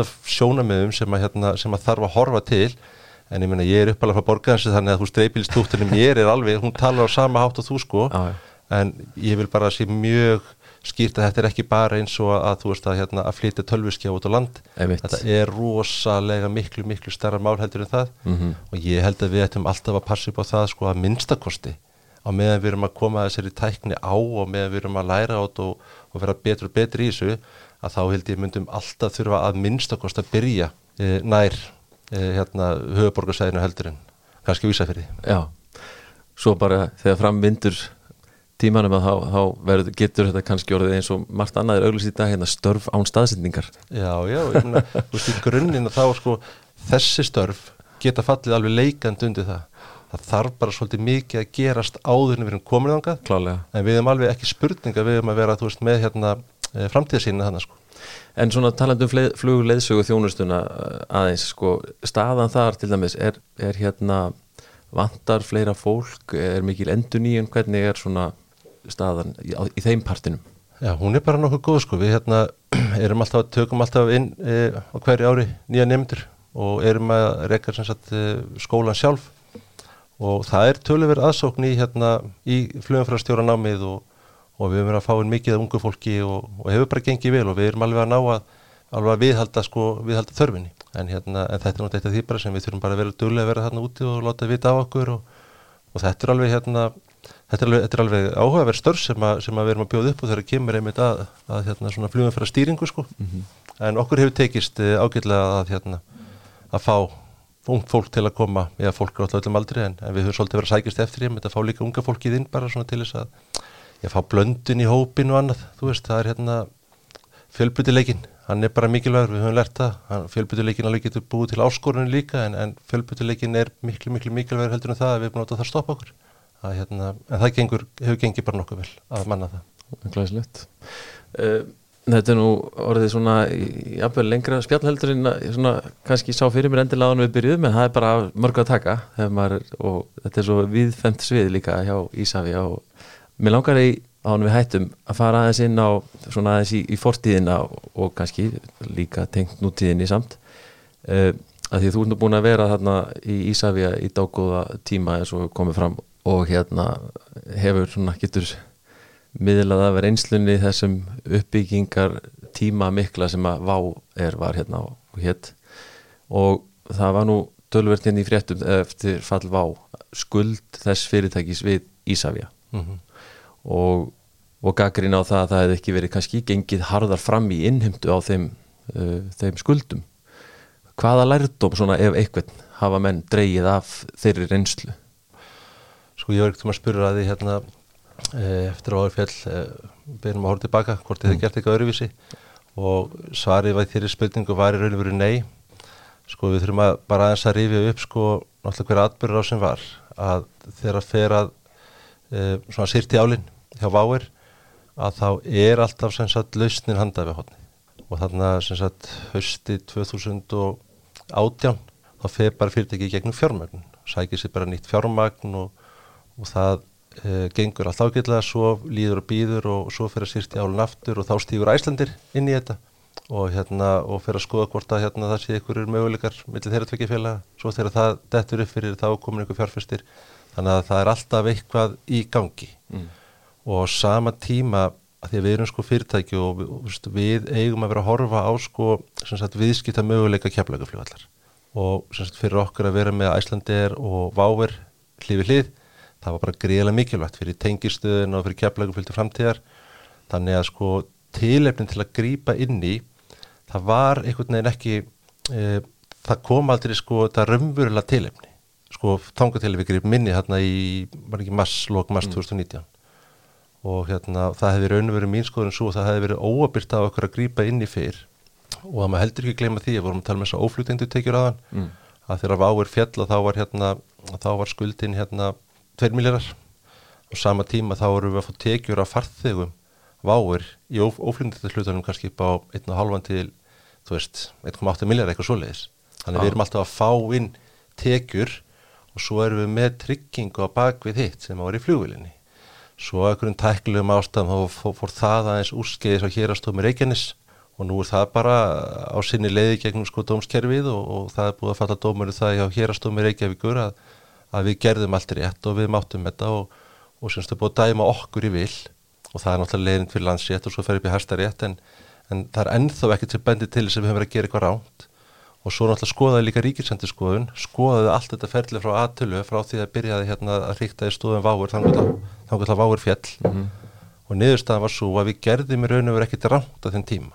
Okkur var alveg heimilt að taka þess að sko viðskettilega ákvörðun að grípa ekki inni það var ekki ríkistuðningur þú veist, við vorum að hérna tókum þessar ákvarðanir við stjórnaborðið það var allir upplýstir sem þurfti að vera upplýstir. E, það var gagsæðið í öllum ákvarðanir sem vorum að taka var til staður og það var mikið. Þannig raun og veru gerðu við ekkit rámt það sem aftur móti e, er núna er það að, að með breytingar á, ég held að sé loftfjörðarlegunin sem að breytingar átt sér stað að það er verið að setja núna sko skorður um það hvað við getum kyrsett flugvél þess að hvað skuldi getur verið gömul sem er kyrsettingahæf og það er komið í sjömániði en svo staðinu núna þá gætu við líklega ekki leift okkur að býða svona lengi eins og við gerðum þá. En með umhverju þá þá höfðum við alveg heimilt að gera þetta og, og svona viðskiptalega að þá var þessi ákverðun myndi ég segja uh, bara góð í raun og veru. En við viljum ekki að það sapnist upp svona langa skuldir og auðvitað vera þannig að, hérna, að við gætum alveg sagt núna ég, þetta, veist, þetta sem að koma upp á hérna, þetta hefði aldrei ekki orðið að veruleika það veist, en ef við bara horfumast tilbaka veist, það komum peningarnir fyrirtæki um höstið Æslandir og, og, hérna, og vá settu strömmverulega niður, ég held að það verið í lókn november mm -hmm. og byrjaði að ræða þú veist möguleika á yfirtöku Æslandir á váir eða hvernig þess að þannig var. Og tilkynningu það til sko kaupallerinnar þannig að það voru raunveruleg samtölu í gangi. Ef við höfum gripið inn í þá höfum við sett það allt til liðar og þá höfum við verið í Savir sem að feldi váir en það var það sem við vorum alltaf að reyna að forðast. En eins og segir, það er áhugavert að heyra það samt að sko í rauninni að segja að þetta gæti ekki gerst eins í dag eins og þetta gerist þá Nei sko gæti, við, gætum beðið en þessi semst, heimild okkar til þess að stöðva flugvél mm -hmm. e, til að hérna, tryggja greiðslu hérna, ógreitra sko notendikælda e, með ekki vera eldri heldur í sjömánaða þannig að það þýr ekki það, þú veist við fáum aldrei það sem er eldri í sjömánaðir mm. við getum bara tryggt já, já. allt sem er yngri sjömániðir með kýrsetningufljóðular. Þannig að leikreglunar hafa aðeins brist og auðvitað þannig að, að, að við horfum alltaf til þess með, með váer að við litum alltaf svo á að það væri trygging fyrir skuldinni og ef að tryggingi þá hefði bara verið fyrir sjömánum þá hefðu við ekki getað lift okkur að býða svona lengi. Ég get alveg, ég get alveg sagt að við hefðum ekki lift okkur að býða svona lengi ef þessi takmörk hefði verið. Mm -hmm. Því við horfum alltaf til þess að við væri með raunverulega trygginga baka skuldina. Og þetta er, segir þú, ennþá að, að, að leysinni í gegnum dómskerfið? Já, já, þetta er, þetta er það og, og náttúrulega mikilvægt fyrir okkur, þetta er náttúrulega miklu fjármunir sem er hérna undir, mm. en það sem er líka mikilvægt fyrir okkur, það er raun og verið að fá staðvist ykkur því, sko, með hvað hætti við getum beitt þessari stöðverðin heimild. Að því heimildin er skýr og stað, staðfestingin ef að máli fellur okkur í vil á efstu tónstíði, þá eru bara komið staðfest ykkur því að með hvað hætti við erum að beitinni að það er rétt. En svo fögnum við náttúrulega því að við fáum fjármunina tilbaka en það sem að gerist reyndar sem að gera verkum að Íslenska ríki dregst inn í þetta líka. Er það þú veist að, að auðvitað voru við bara hérna að, að, að eiga við hérna flugvila leigur salan sem átti flugvilina en Æmint. þessi mistök sem eru gerð hérna hjá hérastómi Reykjanes þegar hérastómi, allavega mistökun svo hefur verið dæmt í hérastómi Reykjavíkur núna að það vélinn vélin sem hleyfti burtu að þá eru ríki skoldi samábyrgt. Þannig að þetta er sameila ábyrg ríkisins og flugvilega salans að borga þessa 2 miljardar þannig að Íslenska ríki dregst inn í þetta má líka með þeim hætti þannig að já, já. þetta er ekkit einfalt sko en, en við fyrir maður hérna við viljum bara að vera mjög gott að fá einmitt niðurstöðu, ekkert ítis aðeins bara frá okkur já. en það fullt að lærdomum sem getum tekið úr þessu máli en hort tilbaka þá held ég að við hefum ekki geta tekið ákvarðanir með öðrum hætti öðru seldur en að bara taka ákvarðanum að fella á áver En þetta, er, en þetta er eins og segir, þetta er erfitt þegar að, einmitt, það er flugvílalegu salin, eignarhaldi á flugvílin er eitthvað starf annar staðar heldur en rekstra ræðilin er sem að Ísafið er að díla við í þessu tilviki, hérna í, í Keflavík. Algjörlega sko, en við skulum samt ekki gleyma því að því að sko flugvílalegu salin hann hérna fekk nú ákveðinu svona samúði í hérna í allir umfjöldunni. Flugvílalegu salar eru er að lega flugvíl út um allan heim og það eru svona heimildir eru til staðar mjög víða í löndum mm. þannig að fljóðulegu salina hann er náttúrulega sko e, þetta er áættur sem er í hans rekstri. Þetta er ekkert nýtt fyrir honum. Þannig að hérna, e, það var ekkert að gerast í þessu máli á Íslandi sem að e, þeir sem er í þessum bransa þekki gernast það frá. Þannig að hérna, þetta var, þetta var erfitt. Þetta var virkilega, tók virkilega á þetta mál. Ég get alveg sagt það sko en ég skal trúa því. E, en er þið eins og í dag er þá eitthvað svona verklag innhás hjá ykkur svona til þess að þeir sem að tekur á málum ef uppkoma með svona skuldir. Já, já, já, og, það, og það verkla var náttúrulega til staða líka þá og ég menna það er bara innituferil og svo þegar eitthvað fer út fyrir innituferilina þá fer það bara sagt, e, til annara til, inn á, til annara stjórnandar sem að bera ábyrð á tekjunum þeirra upp í staði sko. þannig, að, þannig að það er alveg, já, já, það er alveg til staði sko. þetta gerist ekki bara, þú veist, svona óvend Nei, nei, akkurat, akkurat. En uh, þú er búin að vera hann í dágóða stund þess að við erum búin að fara yfir er uh, gaman í vinninni? Það er mjög gaman í vinninni og, og það er alltaf hérna, það er alltaf eitthvað nýtt í vinnin og, og ég er svo sem er núna búin að vera síðustu þrjú árin í, í hérna, í öðru hlutverki heldur en ég var hérna fyrstu hvað, sex árin Mm -hmm. þannig að ég er búin að fá að reyna ólík hlutverk líka en já, það er alltaf mjög gaman í vinninni og, og af nóg að taka Og uh, rekstrar maðurinn þú, ertu með einhverja svona ertu haldin einhverju svona flug áhuga svona öðru leiti eða þannig skilur, ertu, ertu með snerti fleti einhvern veginn svona inn í, inn í flugbransan? Nei, ég, nei, ég, ég er ekki með snertlutinni flugbransan og hérna Þú ert ekki stund að hérna sviflug eða, eða hérna engaflug eða hvað það nú getur verið sko Nei, nei, nei, ég er það ekki en, en það er samt þannig að, að, að hérna, það kveiknar mikill áhuga á ýmsum hluti sem að, sem að snúa að hérna, að flugvöllum og ekki síður flugvélum Já. En hérna, nei, ég er ekkit sjálfur í einhverju, einhverju svoleiðis. Það er reksturinn og allt það sem á hugðin allan. Það er reksturinn og, já, og hérna og sérstaklega bara þeir möguleikar sem eru sem sagt fyrir okkur sem fyrirtæki Mhm. bara til að sko vaksa uh, og dafna. Og líka bara þessi tenging bara við eins og ég voru að segja á hann bara við í raun og veru sko hvað, hvað tengingin er sterkinn í bara hagkerfið á Íslandi hvað ábyrðin þar er óbúslega mikil ekki bara hjá mér heldur bara öllu starfsfólki í, Savi, í Savia og þeirra sem að eru hluta fljóða samfélaginu það er á meðal sko fyrir því persónulega Vissulega. í þínu starfi Vissulega. þannig að hérna, þannig um maður einhvern veginn uh, sér þá ábyrð að þá gerir það svona, svona, það kveikir það síman mm Mhm. það er bara þannig Þetta er ekki, ekki sama hvernig þetta er gert Nei, það er ekki sama, það er, hérna, það er rétt Hérna svona aðeins á léttarinn nótum það var í, í hérna ekki fyrir alls löngu þá, þá loguðu samfélagsmiðlar í örskama stund eins og þeir gera nú stundum um það það ætti að gera íslenskunni hærra undir höfði á skiltum í Keflæk og Ísafja fekk nú ákvörur fyrir það og þetta þurfti að laga þetta bara undir eins. Mhm. á að gera það? Sko þetta er náttúrulega, þetta íslensku máli miklu, miklu stærra heldur en sem snýra skildunum Nú að það? Já, já, það sem að sko e, við höfum núna bara síðan að við fórum í þróuna átlun minna 2015 að þá höfum við verið að finna leiðir í okkar hönnafórsundu til að gera sko íslenskunni hátt undir höfuð, bæði íslensku tungu og íslensku menningu. Og mér langar til að segja að við sem að gera það því að við erum svo næs en, hérna, en í raun og veru þá sjáum við bara stert viðskipt að tækja færi úr því. Að það er sem sagt ef við náum að færa í raun og veru sko Ísland og íslenska menningu og tungu sko inn á flugvöllin að þá teljum við bara fólk munum bara eigða meira hjá okkur veist, fólk er að kaupa sér einhverja, einhverja hérna, sér framlýsla bjór, íslenska framlýsla bjór, hvað sem er skilur mig. Þannig að við sjáum greiðum ekki tækifæri því. Umræðin hefur svolítið snúist um þessi skildi og ég hef alveg skilning á því því að þegar þú lappar inn á flugstöfuna þá er þetta skildi sem þú sérð.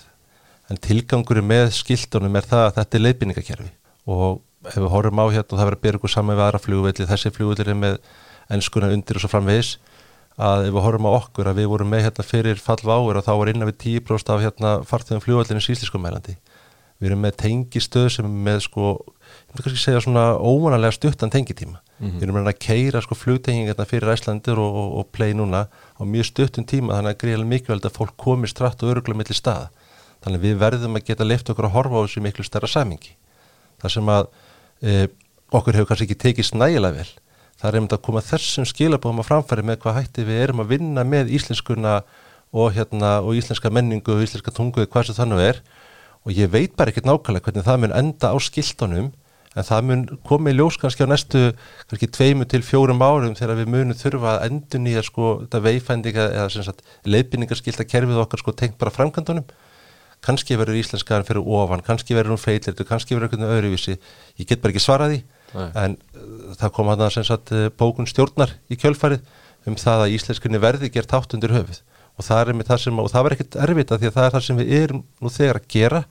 Það er bara ekki sérstaklega sínilegt akkurat núna á skildunum en við viljum þetta að því að við teljum þetta sé bara mikilvægt og svo til viðbótar tækifæri fyrir flugullin líka. Akkurat Erum við ekki búin að tæma þetta svona nokkuð vel bara? Jú, er ekki bara, er ekki bara góðir bara. Ég held að þú varst, uh, þú varst bókaður í einhvern annan fund fljóðlega skildist mér. Þannig að hérna e, Sveinbjörn Endriðarsson, fórstjóri Ísafja bara kæra þakki fyrir að koma í flugvarpið og hérna segja aðeins frá starfsemi þessa líkil fyrirtækis í íslenskum flugsamgangum Takk hérlega fyrir og, og takk fyrir hérna gott bóð og, og hérna til ekki bara með þetta hlaðvarp, þetta er mjög skemmtileg og flott framtak hjá þér, bara vel gert. Takk fyrir það Sláum hér botnin í þennan þátt og þar til næst, góða stundir